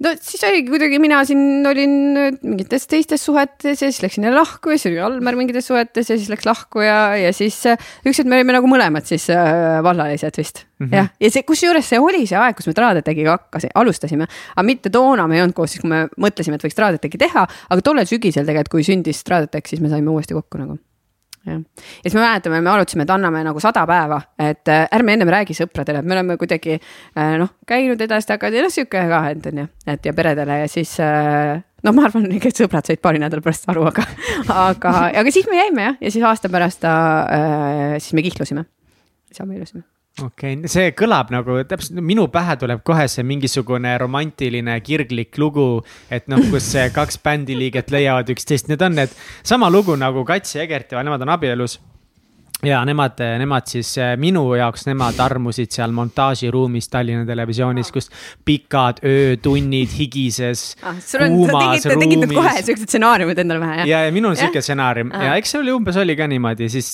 teie jaoks mul on noh, et mingi, ma mõtlen seal kalamajas, mingi vana puumaja keldris. Seal on veits mingid narmed ripuvad kuskil, mingid tuled, kõlarid, sihuke mingi bändinurk teete seal ja siis see anna andeks, kuidas selle kolmanda Tõnu, Tõnu, just, et Tõnu läheb ära. suitsu tegema ja siis. ja ei, ei, ei, aga see on hea, see on päris hea, see on päris hea, ma selle peale ei mõelnud. aga Tõnu läheb nagu koju ära päris hilja on juba. sina, Jalmar olete kahekesi seal, Jalmar mm. vaatab sul sügavalt silma. ei, see no. vist, see on küll väga huvitav ei, see päris nii ei olnud, aga. pill kukub maha aga ma, ma arvan jälle nagu suhete teemal, et on see, et ma arvan, paljud inimesed äh, tegelikult ka, kui sa mõtled, et suhted on lahku läinud ja nii edasi, et, et võib-olla sobiks, oleks jäänud kokku, kui nad oleks kohtunud teisel ajal lihtsalt mm. -hmm. et kuna meie lihtsalt, me jäime kokku, siis me tiirlesime kogu aeg selle orbiidil nagu me ei kadunud ära, aga, aga ma arvan, et lihtsalt iga suhte jaoks on see õige hetk ja need, kes lõpuks jäävad kokku, järelikult see oli see õige hetk, teie saite just sellel õigel hetkel kokku, on ju. Mhm. et, et jah, ma arvan, see ajastus on väga oluline äh, ja, ja ma olen seda mõne oma eksiga arutanud ka et see ajastus on oluline, et näiteks, et kui me oleks saanud kokku, mina oleks olnud äh, võib-olla, ma ei tea, vanem või noorem või tema oleks olnud seal selles olukorras, et siis me tõenäosusega oleks jäänud kokku toona, on ju. et ähm, jah. aga missuguseid äh, väljakutseid äh, on teie suhtele toonud nii-öelda koos töötamine? oh ähm, ma niimoodi otse ei oska öelda, aga eks see ole olnud selline jälle tasakaalu leidmine, et mingi vahe mina ikka ei osanud seda üldse leida, et me sihuke, et. et igal hetkel esimese asjana ärkad, siis on kohe, et mis me täna postitame sinna Facebooki või mis kontserdil, kus, mis asja on ju, et. et aga järjest see õppimine ja nüüd jälle viimastel aastatel täpselt, kus me oleme hakanud iseendaga tegelema tegelikult, see ongi ju see, et iseendaga tegeled, siis lähevad muud asjad ka niimoodi korda. et siis me väga teadlikult võtame seda aega ja me ei räägi äh,, me küll, ma ei mäleta, kas me nüüd oleme ju suutnud sellest, vist oleme kinni hoida, pühapäeviti me ei räägi tööst, on ju, et äh, kuigi, sest see on kogu aeg meie elu osa, kogu aeg, on ju. et siis me ei räägi tööst ja ka, ja ka sellel hetkel või noh, me proovime võimalikult vähe mingeid bändi asju arutada ka omavahel, et me teeme seda ikka koos, kui on koosolekud, on ju. no mingeid asju me kindlasti arutame, aga kuidagi jah, et väga teadlikult ise hoida seda, aga mingi vahe siis, kui me alustasime, siis äh, ei osanud üldse, et. eks siis oligi see, et, et oli ainult nagu bändi tegemine, et kaduski kuidagi see suhe sinna sisse ära, on ju, et tuuritasid ja nii, et samas äh, lapsed sündisid, no ma ei tea täiesti ära ei kadunud. täiesti ära ei kadunud aga eh, kas bändis eh, teil visioonid vahepeal lähevad nagu lahku ka või kuidas te lahkhelisid lahendate, et nagu mulle tundub, jällegi täiesti isiklik arvamus, lihtsalt mul ei ole kogemust, aga mulle kuidagi tundub, et kui ma oma töökaaslastega lahendan mingit keerulist olukorda, siis mul on lihtsam, et seda, seda konflikti või lahkarvamusi lahendada. kui mul ei ole mingit muud nagu teistsugust suhet nendega, nemad on minu kolleegid, on kõik mm.. aga kui see oleks minu nagu elukaaslane, siis annab kohe mingi uue dimensiooni sinna ja ma võib-olla kuidagi, ma ei oskaks. Kas oma emotsioone kontrollida või kuidagi mulle tundub lihtsalt, mulle lihtsalt tundub, et, et see elukaaslase suhtetasand nagu Jaa. segab ja äh, see segaski, ma arvan, mingid aastad, eriti võib-olla mind, et ma võtsin liiga isiklikult, et kui näiteks Jalmar ütles midagi, oh, see on nii nõme lugu, mis sa praegu kirjutasid, on ju, siis oh, mis mõttes, kuidas sa ütled, ma olen sinuga suhtes. Et aga samas, kui seda oleks Tõnu ütelnud, siis ma, okei okay,, ma teen uue, on ju. et, et ma arvan, et selliseid olukordi oli küll ja veel. Äh,. kindlasti, ma isegi mäletan, ma olen täiesti nuttes ühest lauast püsti tõusnud, ühest lõunas lihtsalt ära kõnd-, kõndinud ja kaks päeva ei rääkinud üldse, mis juhtus, räägi meile sellest lõpuks rääk-, ma ei mäleta, tead, ma ei mäleta, ta ütles midagi, me tegime uut plaati ja ta ütles midagi, ma niimoodi solvusin selle peale, et äh, ma jätsin söögipoolele, kõndisin minema ja tõesti kaks päeva räägin, no jälle, kellele ma lõpuks iseendale tegin sellega haiget, on ju. et selles mõttes, et rahulikult rääkida, aga nüüd on küll, on neid, vahepeal juhtub neid olukordi, aga me suudame rääkida, et äh, ega me saame juba ise ka aru, et näiteks pärast ma ütlen, kuule, et see tegelikult sa ütlesid nagu mulle niimoodi seal, et see tegelikult ei olnud nagu väga ilus, et see mingi muu emotsiooni pealt ja siis ta ütles, jaa, ma juba sain aru et äh, selline eneseanalüüsimine ja oma tegude analüüsimine, et, et praegu on, praegu on okei okay., me saame arutada nii, et, et ma tõesti ei mõtle selle, et oh, me oleme nüüd abielus ja meil on kaks last kodus, et kui meil on mingid koosolekud, on ju. et äh, ja me arutame ja need lahkhelid on ka see, et kui sa ikkagi suudad selle ära argumenteerida ja teised on sellega nõus, siis äh, tavaliselt, kui sa suudad nagu selle äh, millegipärast oma idee ära põhjendada, siis noh, teised ongi nõus, on ju, aga kui sa ei suuda, see on lihtsalt mingi sihuke teeme, aga sa nagu ei mõtle, miks me teeme, siis, siis loomulikult siis see ei jää pidama, on ju et me oleme muutunud nagu täiskasvanuteks ennem käis ilge ukse paugutamine, aga nüüd on nagu selline tead enda, kuidagi enda hoidmine rohkem ka on ju. mitte, et seda kirge ja draamat seal ei oleks, ikka on neid asju ka on ju. kas sa tunned ennast täiskasvanud inimesena? jah, kohati võib-olla isegi liiga. et kuidagi seda lapsemeelsust tahaks rohkem äh, tagasi tuua enda ellu ja enda päeva ja enda suhtumisse, ma arvan isegi rohkem. mm.. tead, lapsed toovad seda tagasi, mina ka tundsin üks hetk, aga ma ei tunne praegu, ma küll teen väga, olen nagu äh, kuidagi äh, noh, planeerinud, sihuke realistlik ja niimoodi, et samas ma olen sihuke täiesti võin ära unustada või mitte unustada, ma võin unistada hästi palju. ja siis äh, samas need äh, äh, kogu selle sihukese väga teadliku planeerimise, teadliku elu kõrval, need lapsed toovad selle rõõmu niimoodi tagasi, et sa näed noh, väikestest asjadest, mis neile rõõmu pakuvad mm. ja sa ise lihtsalt saad aru, et appi kui mõttetu, ma praegu, ma ei tea, stressan selle asja pärast või selle pärast, et. et selles mõttes on, on ikka lapsed on väga-väga toredad selles osas, et tõesti mm., et sa hakkad nagu nägema jälle, vaata, sa pead uuesti kuidagi elu läbi elama läbi nende silmade, on ju, et, et see on väga äge kogemus. mida sa armastad Jalmari juures kõige rohkem? kõige rohkem või? Jalmar kuulab. ei, ma arvan, ta ei viitsi nii pikka podcast'i ei, võib-olla kuulab. tead äh,. Äh, praegu ma armastan seda, kui äh, äh, kui palju ta panustab äh, lastesse, kui palju ta panustab meie peresse, teades, et tal on nagu nii miljon asja, millega ta tegeleb. kõik need lavad, kontserdid, mida ta korraldab ja ta suudab seda teha nii, et ta ei tekita meis kelleski mingit stressi. et ta suudab oma asjad korraldada nii, on ju, kuigi ma tean, noh, mis seal toimub, on ju. ja, ja ma väga-väga armastan seda praegu tema juures, et ta, et ta on olemas pere jaoks, samas ta suudab neid asju teha ja mulle tundub, et ta ei hävita ennast selle juures, et, et ta kuidagi oskab ennast hoida, ta oskab meid hoida, et see on, aga võib-olla mõned aastad tagasi ma jällegi hindasin väga seda, et ta oli, et ta on selline tugi alati olemas, et ükskõik kui raske olukord on või noh, tema on ka näinud kõiki neid olukordi, kus on, ma ei tea, tõesti on see kokkukukkumine, on see ärevushäire või on keegi lähedane öö, surnud elus, et see on nagu see toetus, et ta ei ole nagu kunagi läinud ära, ta ei ole jätnud nagu üksi, et see on nagu väga oluline, on ju et ma arvan seda ja see on nagu praegu ka, et ta ei jäta üksi raskes olukorras, isegi kui temal on nagu hästi palju teha mm. -hmm. et see on, et sa tead, et sul on alati nagu keegi seal kõrval olla, olemas on me peame ikka Jalmari to kunagi saatesse kutsuma, kunagi. kunagi. muidugi, kindlalt. kas me läheme välgutama ka või sa tahad midagi spetsiifilist veel uurida? Seniorita. mm,. Võib-olla me rääkisime küll emaks olemise välja, väljakutsetest hetkel, aga mis on sul endal praegu siuksed suurimad elus väljakutsed või mis valdkondadele sa praegu ise kõige rohkem nagu rõhku paned?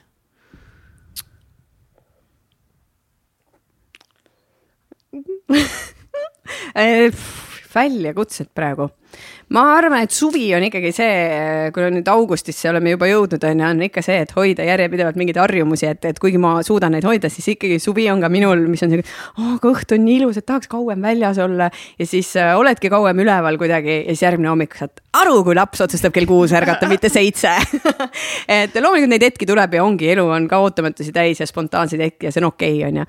et aga kuidagi jah, see, et hoida ikkagi, hoida ennast nagu, et see on, äh, ma üldse julgelt ütlen välja, et mina olen iseenda prioriteet ja see on väga okei okay,, sest ainult nii ma saan olla olemas teiste jaoks, on ju. ja mul on lapsed on ka minu prioriteet, aga kui ma ei sea ennast ja ei hoia ennast, siis ma ei saa olla nende jaoks olemas. ja ma olen seda näinud, et, et ka, et kui sa oled ikka seal läbi ja ma olen täpselt olnud selles olukorras, kus laps mängib kõrval, ma lihtsalt magan tema toas põrandal, sest ma olen nii väsinud, on ju. ja siis üritad, mitte et ta ei sööks mõnda legoklotsi ära, on ju, et, et noh, kas see on nüüd see ema, keda sellel lapsel vaja on, on ju. et sellepärast on äh, nagu see, et et äh, hoida ennast, on ju, ja see, ma arvan, ongi, äh, see on nagu kõige olulisem. aga muidu tööalaselt on see, et noh, väga põnev periood siin septembris-oktoobris me hakkame uut albumit mm. tegema, uut muusikat tegema, et pole, polegi nüüd poolteist aastat nii-öelda aktiivselt loonud äh, kuidagi muusikaliselt uusi asju, on ju, et väga põnev, et mind see koroona nagu ei inspireerinud nagu lugusid kirjutama nagu osasid muusikuid. ja, ja jällegi ja arengutreenerina noh, et ma teen praegu kursuseid, on ju, tuleb uus kursus siin septembri lõpus koos Jalmariga kusjuures mida ma soovitan tegelikult meestele, ma saan aru, naised on enamus, kes kuulavad seda, on ju. aga sa soovitad oma meestele? jaa, et no naistele ka, aga nad saavad, noh, naised ise ka, aga, aga just meestele, et, et tihti see Eesti mees ongi selline, kes mitte kõik, ma ei üldista jälle, aga on see, kes mõtleb, et ah, nii peabki olema ja mina ei ole üldse mingi, ei, mina ei hakka midagi muutma ja, ja et tegelikult äh, saab tegelikult saab muuta mingite väikeste asjadega ja jälle ma ei, see ei tähenda seda, et oh, nüüd te peate viiest, et Sandra är, sunnib kõiki viiest ärkama, absoluutselt mitte, on ju, et või totaalselt oma praeguse elu kuhugi äh, selja taha jätma, on ju, et aga mingid väiksed asjad, et kasvõi oma perele toeks olla või. ja ma arvan, et Jalman on nagu sellest tegelikult väga hea eeskuju, on ju, või iseenda tervist hoida, mis on jälle Eesti meeste puhul, on ju. kus selle kohta et, äh, informatsiooni minu leiab? koduleheküljelt leiab kõike, mis, äh, mis seal on jah. sandravabarna.ee. ja tõesti, ja mind jällegi, kui sa ütled, noh, et ma nii kirglikult räägin sellest arengutreeneri teemast on see, et kui mul on need kliendid ja ma teen neid kursusi, siis see tähendab seda, et ma pean ise olema vormis kogu aeg. mis on ülihea, sest ma ei saa rääkida asjadest seal, mida ma ise ei tee või millesse ma ise ei usu, on ju. ma ei saa öelda, et täitke iga päev oma märkmiku, see aitab teid, kui ma seda ise ei tee, on ju. et see ei ole lihtsalt usutav, kui ma lähen mingitest see nagu sellistest asjadest mm -hmm. rääkima, mida ma ise siis kas ei praktiseeri või ei ole ise kogenud, on ju. harju ära harju ära, jah. ei, oota, harju, harju ära, ära., see kursus juba käib selleks aga hetkeks. kursused ja seminarid. see on harjumuste jõud on selline koos Jalmariga. see on äh, Harju ära alam, alamlehe all, Harju ära tääbist just, just, just. vaata. jah, mine alla. nii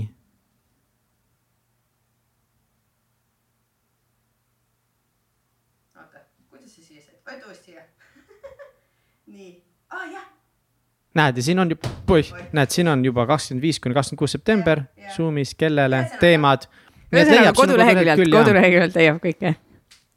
aa, see on Zoom'is, uu lahe see on Zoom'is ja sellepärast me tegime selle kursusega, me tegime maikuus natuke teises formaadis pikemalt, me tegime Facebookis, aga oli nii palju inimesi, kes ütlesid, et aga mul ei ole Facebooki, et tahaks ka, on ju. ja, ja teine asi, mida jällegi on see, et kui inimesed on Facebookis kursusel, siis see tähelepanu, et sa näed, keegi teeb mingi notification, keegi like ib midagi, keegi kommenteerib, on ju. et sul ikkagi ei ole see tähelepanu sada protsenti kohal, on ju. väga lahe oota, aga millest te siis täpselt räägite seal? no me, meil on seal äh, erinevad, erinevad teemad, alguses ongi, et on energia, selgus, julgus, motivatsioon on ju. ja kõik äh, läbi praktiliste selliste harjumuste, töölehtede, mis me jagame.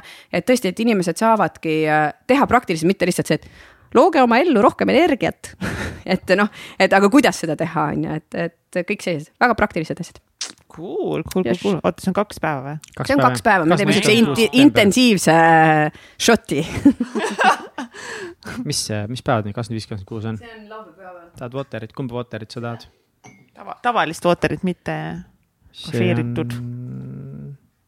Me oleme startup teil, siis ma mõtlesin ise, ai, see on august, ei ole ka, issand, vabandust, ma ajasin kuud praegu segamini. kas sa tead seda, et september ei ole august olen kuulnud jah. jaa, näed, mul on vaba mul on praegu vaja erinevaid eh, coach'e ja koolitusi endale, ma tahan coach'i endale leida praegu, ma tunnen, et mul on coach'i hullult vaja.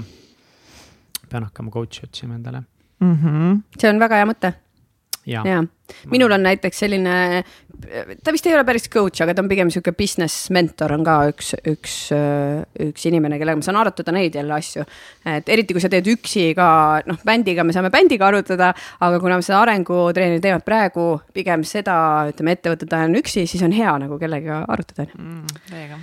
Davai, nüüd meil on aeg välgutama hakata ja ma olen juba paanikas, ma kindlalt ei mäleta ühtegi küsimust sest veel paar kuud ei ole neid eh, küsinud. kolm aastat on täpselt samad, samad küsimused, aga nüüd sa ei mäleta või? ja neid on suhteliselt vähe ja legit iga kord ma lihtsalt. oota, aga mina, ma kuulasin just hommikul teie podcast'i ju, seda Taaviga.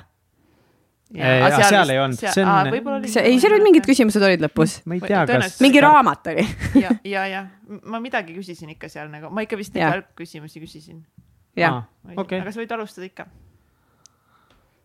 me oleme täna sellest juba väga palju rääkinud Jaa, sellest teemast. issand, oh, me, me oleme pool saadet vähemalt sellest teemast rääkinud. nii et äh, sa ei pea sellele üldsegi pikalt äh, vastama, sest sa oled seda juba teinud, aga esimene kõlab, esimene küsimus kõlab järgnevalt. aga ma küsin ikka, sest ei noh, paberi peal on kirjas, mina ei saa ümber mõelda. muidugi, muidugi, muidugi, kui on ette nähtud, et nii on, siis on, siis on jah no keegi üle, kunagi kirjutas üles, et nii peab tegema. on sul olulisi rutiine või harjumusi, mida sa teed igapäevaselt või iganädalaselt? aa, tuli meelde. ja no iganädalaselt on seesama nutinetivaba pühapäev on ju, mida me teeme koos perega ka ja iga ja see, et ma teen iga pühapäev valmis järgmise nädala plaani ja mõtlen oma nii-öelda tegemised läbi, to do list, et mis on vaja valmis saada see nädal. ja külmkapi peale panen pereplaani ja igapäevaselt on täpselt see hommiku see, et ma ärkan ülesse, siis ma venitan või teen joogat, siis ma loen ja siis ma planeerin oma päeva, et see on sihuke kindel. ma tean, et väga ja... paljudel on väga populaarne teha järgmise nädala plaan reedeti et siis on kuidagi nagu, et noh, siis sa oled nagu ees kuidagi, et pühapäev on nagu liiga hilja juba. aa, no vot, reedeti no. ma pole, ma ei tea, kuidagi, ma pole veel jõudnud sinna, mulle pühapäeval sobib, mulle pühapäeval sobib, sest meil on nutinetivaba päev, vaata, siis on mõnus niimoodi paberi peal kirjutada ja. ja, ja mis on, aa, ja lõunauni, ma teen iga päev teen lõunaune ja see on mul juba lasteaiast saadik harjumus mm. -hmm. Power nap jah, power nap jah, mõnikord on see viis minutit äh, raseduse lõpus oli kolm tundi et äh, aga ma üritan jääda very sinna kahekümne, very powerful nap, kahekümne minuti peale, nii et jah. see on nice. milles sa väga hea ei ole? milles ma väga hea ei ole äh,? palliviskes äh, ja, aga nagu praegu rääkides palliviset ma enam ei tee, on ju, koolis sai tehtud, aga ma arvan, et on mm, mingid olukorrad äh,, olukordades hakkama saamine äh, et see ei tekitaks minus stressi või pinget. ühesõnaga, ma lihtsalt tabasin seda ennast jälle üleeile, et meil oli koosolek, meil on äh, nädalavahetusel siin festival toimub ja korraldusmeeskonnas oleme ja ma sain aru, et ma nagu, äh, ma lähen pingesse, et mina, mina ei sobi näiteks korraldama asju ikkagi, et ma ei sobi suuri näiteks festivale, kontserte korraldama, sest ma tunnen seda stressi ja pinget nagu kogu aeg sees ja ma ei oska seda seal lahti lasta. ma võin teistele paistada täiesti okei okay,, kõik on chill pill on ju, aga ma tunnen enda sees, et kuidas ma vastutan kõige eest ja ma ei oska nendest olukordadest ust lahti lasta, ma ei oska noh. et äh, ma sellega, see on miski, millega ma pean tegelema. mille üle sa oled kõige uhkem oma elus ehm,? selle üle, et ma suutsin oma elustiili muuta et kuna see on väga raske, ma suutsin muuta neid harjumusi ja elustiili, et, et no loomulikult ma olen laste üle ka uhke, aga, aga tõesti see, et muidu ma, ma ei tea, kus ma praegu oleks või äh, üldse, kas isegi teist last oleks, et, et aga see, et ma suutsin ja suudan nendest nagu kinni hoida, ma suutsin oma elu muuta selles mõttes mis on kõige veidram asi, mis sa elus teinud oled ja kas sa teeksid seda uuesti? kõige veidram või? veidram, see oli kõige. oi fuck. mitte veidram, see oli. jaa, ei sorry, jaa, mainin. kõige pöörasem. aga samas kõige, kõige, kõige veidram asi. kuule, aga see on võib-olla parem isegi. võib-olla see on parem küsimus üldse, jah? veider. oota, aga mis tema originaal oli? pöörane. okei okay,, pöörane, pöörane on parem, pöörast on vist lihtsam või lihtsam jagada kui mingit veidrat vot, vot. et äh, tead, kui ma olin umbes kahekümnendal, siis ma läksin Aafrikasse elevandiluu rannikule niimoodi, et äh, ma läksin mingi võõra mehe korterisse elama, keda ma ei teadnud ja siis äh, see oli täiesti võõras keelekeskkond, prantsuse keelt ma ei osanud üldse, ma võtsin ühe vestmiku kaasa. ja, äh, ja siis veel tuli välja, et seal käis, oli just kodusõda ka lõppenud. Äh, ja siis ma elasin seal kaks kuud ja ütleme, et see on miski, mis nüüd tagantjärgi ma ei teeks ma ei teeks uuesti, et, et see oli nagu äge, ma ka ei äh, kahetse seda kuidagi, aga see oli ikkagi väga crazy seal kõik, noh, see oli väga crazy, hea, et ma eluga tagasi tulin sealt ja jah, jah. mis sa tegid seal? tead, äh, ma kohtusin ühe projekti käigus Norras elevandi luuranniku siis kolme noorega, kes õppisid seal ühes akadeemias akadeemias, eks ju. ja siis ma mõtlesin, ma tahan ka sinna minna õppida ja siis ma õppisin Lääne-Aafrika tantsu ja seal veits trumme, aga see akadeemia oli selline, et see oli lihtsalt üks ümmargune selline maja, kus oli õlgedest niimoodi katus peal ja seal oli üks suur auk ka veel sees, sest neil polnud raha, et seda parandada nagu. ja, ja hommikust üheksast üheni nad tantsisid seal ja siis oli minul äh, ühe tudengiga, erinevate tudengitega nagu eratund ja siis seal kolm inimest kogu aeg ootas uh, ukse peal, et kui ma lähen lõunat sööma, et siis nad tulevad kaasa ja siis valge inimene maksab, on ju. ja see tähendas toona, see oli veel krooni aeg, see tähendas toona, et ma maksan siis ühe, ühe krooni rohkem, on ju, noh, loomulikult ma võtsin nad kaasa. et ähm, see lihtsalt see kogemus, mis ma sealt sain, see, nad olid väga toredad inimesed, aga see, see ka äh, noh, millises keskkonnas nad nagu seal elavad ja kõik see, et. Äh, noh, sellest võime eraldi saate teha, kuidas üks linnaametnik seal, see oli kuidagi selle inimese tuttav, kes orgunnis mulle selle koha seal korteris, õnneks see mees oli väga okei okay,, kellega ma elasin koos. ja siis kuidas tema onu viis mind ükskord õhtusöögile, kes oli mingi tohutu no mingi linnaametnik ja ta küsis mult, et ma tahaks, et sa hakkaks minu armukeseks. ma siuke ja siis ma ütlesin, kuidas ma sellest olukorrast pääsen praegu, et mind ära, ma ei tea, vägistatakse või midagi onju. ja siis ma ütlesin, et tead, et mul on abikaasa nagu kodus ja ta varsti sõidab siia järgi ja mingit siukest juttu lihtsalt, noh õnneks ei juhtunud jälle midagi. et noh, nii äh, ma pääsesin sellistesse olukordadest, ükskord sõitsin taksoga ja siis takso sõidab äkki tupiktänavasse, sest keegi ajab meid taga onju. ja siis ma pöörasin taha ja siis vaatasin, üks mees oli lihtsalt automaadiga seidis niimoodi. ja siis ma ütlesin, tšau elu et eh, noh, ühesõnaga seal, seal., ma ei tea, ma ei tea, mis tal taksojuhiga oli, siis nad vaidlesid seal ja siis lõpuks taksojuht sõitis ära nagu. et ähm, noh, jah, ja täiesti võõras keelekeskkond on ju, et see, ühesõnaga see on miski, mis oli äge, aga ma enam ei teeks never oma lapsi, kui ma ei laseks seda teha et äh, jah uh,. korralik seiklus ju. mis on edu võti? edu võti? distsipliin ma arvan, et see on distsipliin, et äh, ükskõik, mida sa tahad teha ja kui on see, et mõelda välja nagu neid unistusi või soove ja neid on nagu, ma arvan, lihtsam kui seda distsipliini hoida, aga kui sa oled selle suutnud välja mõelda, siis hoida seda distsipliini järjepidevalt, tegutseda selles suunas, isegi kui vahepeal tundub see, et, et uh, no means not yet on ju, või on see, et on raskeid hetki, aga kui see on nagu päriselt miski, siis tõesti iga, ma ei tea, kas see on siis iga päev või uh, et selle väga järjepidevalt hoida seda distsipliini ja liikuda selle suunas. et ainult nagu äh, nii jõuab, et jah, võib-olla neid helgeid hetki, kus õnn naeratab ja on kõik hästi, aga järgmine, et seda ei ole, et sa pead hoidma ise seda, on ju, neid harjumusi, seda distsipliini. skaalal ühest kümneni, kui veider sa oled no oma arust ma ei ole üldse veider, eks ju no,. ma olen. Äh, kümme on kõige veidram siis. no kaks, no kolm, kolm. Kolm pool kolm pool, kolm pool. no hea küll. ma ei tea, mis on see veidruse skaala või mille, mille järgi seda hinnata on ju. kes on see kümme on ju, kõige, kõige nagu veidram. kes on. aga põhimõtteliselt vaata, me saame siit teha järeldused nagu väga, osad ütlevad, nad on kümme, osad ütlevad, nad on viis, kaheksa, seitse on ju. aga me võime siit ka teha sellise järelduse, et sa oled lihtsalt väga veidraid inimesi kohanud ja see skaala on lihtsalt väga kõrge. jah, ja aga teate, mis on üks, üks nagu neid arengutreeneri küsimusi on, noh, hästi palju küsitakse seda, okei okay,, skaalal üks kuni kümme, et äh, kui õnnelik sa praegu oled või skaalal üks kuni kümme äh,, mis on su, mis on praegu, kuidas sa hindad oma tervist, on ju, noh ja siis vastad ühe numbri ja siis väga tihti jätkub sellele küsimus, et aga mis sa peaksid tegema, et saada ühe punkti juurde? Te peaksite ka küsima, okei okay,, kolm pool, aga mis sa peaksid tegema, et jõuda viieni? mis sa peaksid tegema, et jõuda viieni? Ei, ma ei tea, ära nüüd niimoodi ei suuna seda ei, minu vastu, seda head mõtet. muidu üks teine küsimus sulle, et mis sa peaksid tegema, et jõuda kaks punkti kõrgemale veidruse skaalal ei, ma ei tea, ma ei tea, ei ma, ärme nüüd lõpeta niimoodi seda. ongi noh. see on teine mõte lihtsalt mm. -hmm no aga tead, pead olema. kas ma tahan olla veider, kas ma tahan olla veider, on ju? kohe kasutatakse sinu vastu kõik ära. ja, ja seda küll, seda ma olen kogenud uh mis sa mõtled? Ei midagi ma ei mõelnud enam midagi. kuule, Guten, aga siis mina ei tea, kaua minema nüüd. tšau, tšau, oli tore. head aega kus meie kuulajad kõige paremini sinu tegemistel saavad silma peal hoida? Instagramis, Instagramis ja Facebookis ma väga suur tohutu saripostitaja ei ole, aga Facebookis ka ja Instagrami, Instagramist on see koht. ja koduleheküljel on ka selline väga tore. kontserditel käia. Kontsertidel käia. ai, sihuke noh, kui elusast peast tahab silma peal hoida. teate, üks, üks na- la, tore lugu teile siia ka lõpuks on ju, et kontserdi kohta, et, et äh, ta, me oleme noh, suht, mina olen meeter kuuskümmend üks on ju ja ütleme, et need poisid on natukene pikemad on ju, aga mingid tohutult pikad.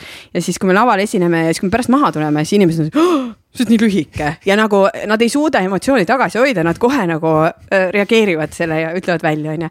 ja siis ükskord üks naine tuli minu, vaatas mulle oh,, sa oled laval palju ilusam. selline asi. sai, davai.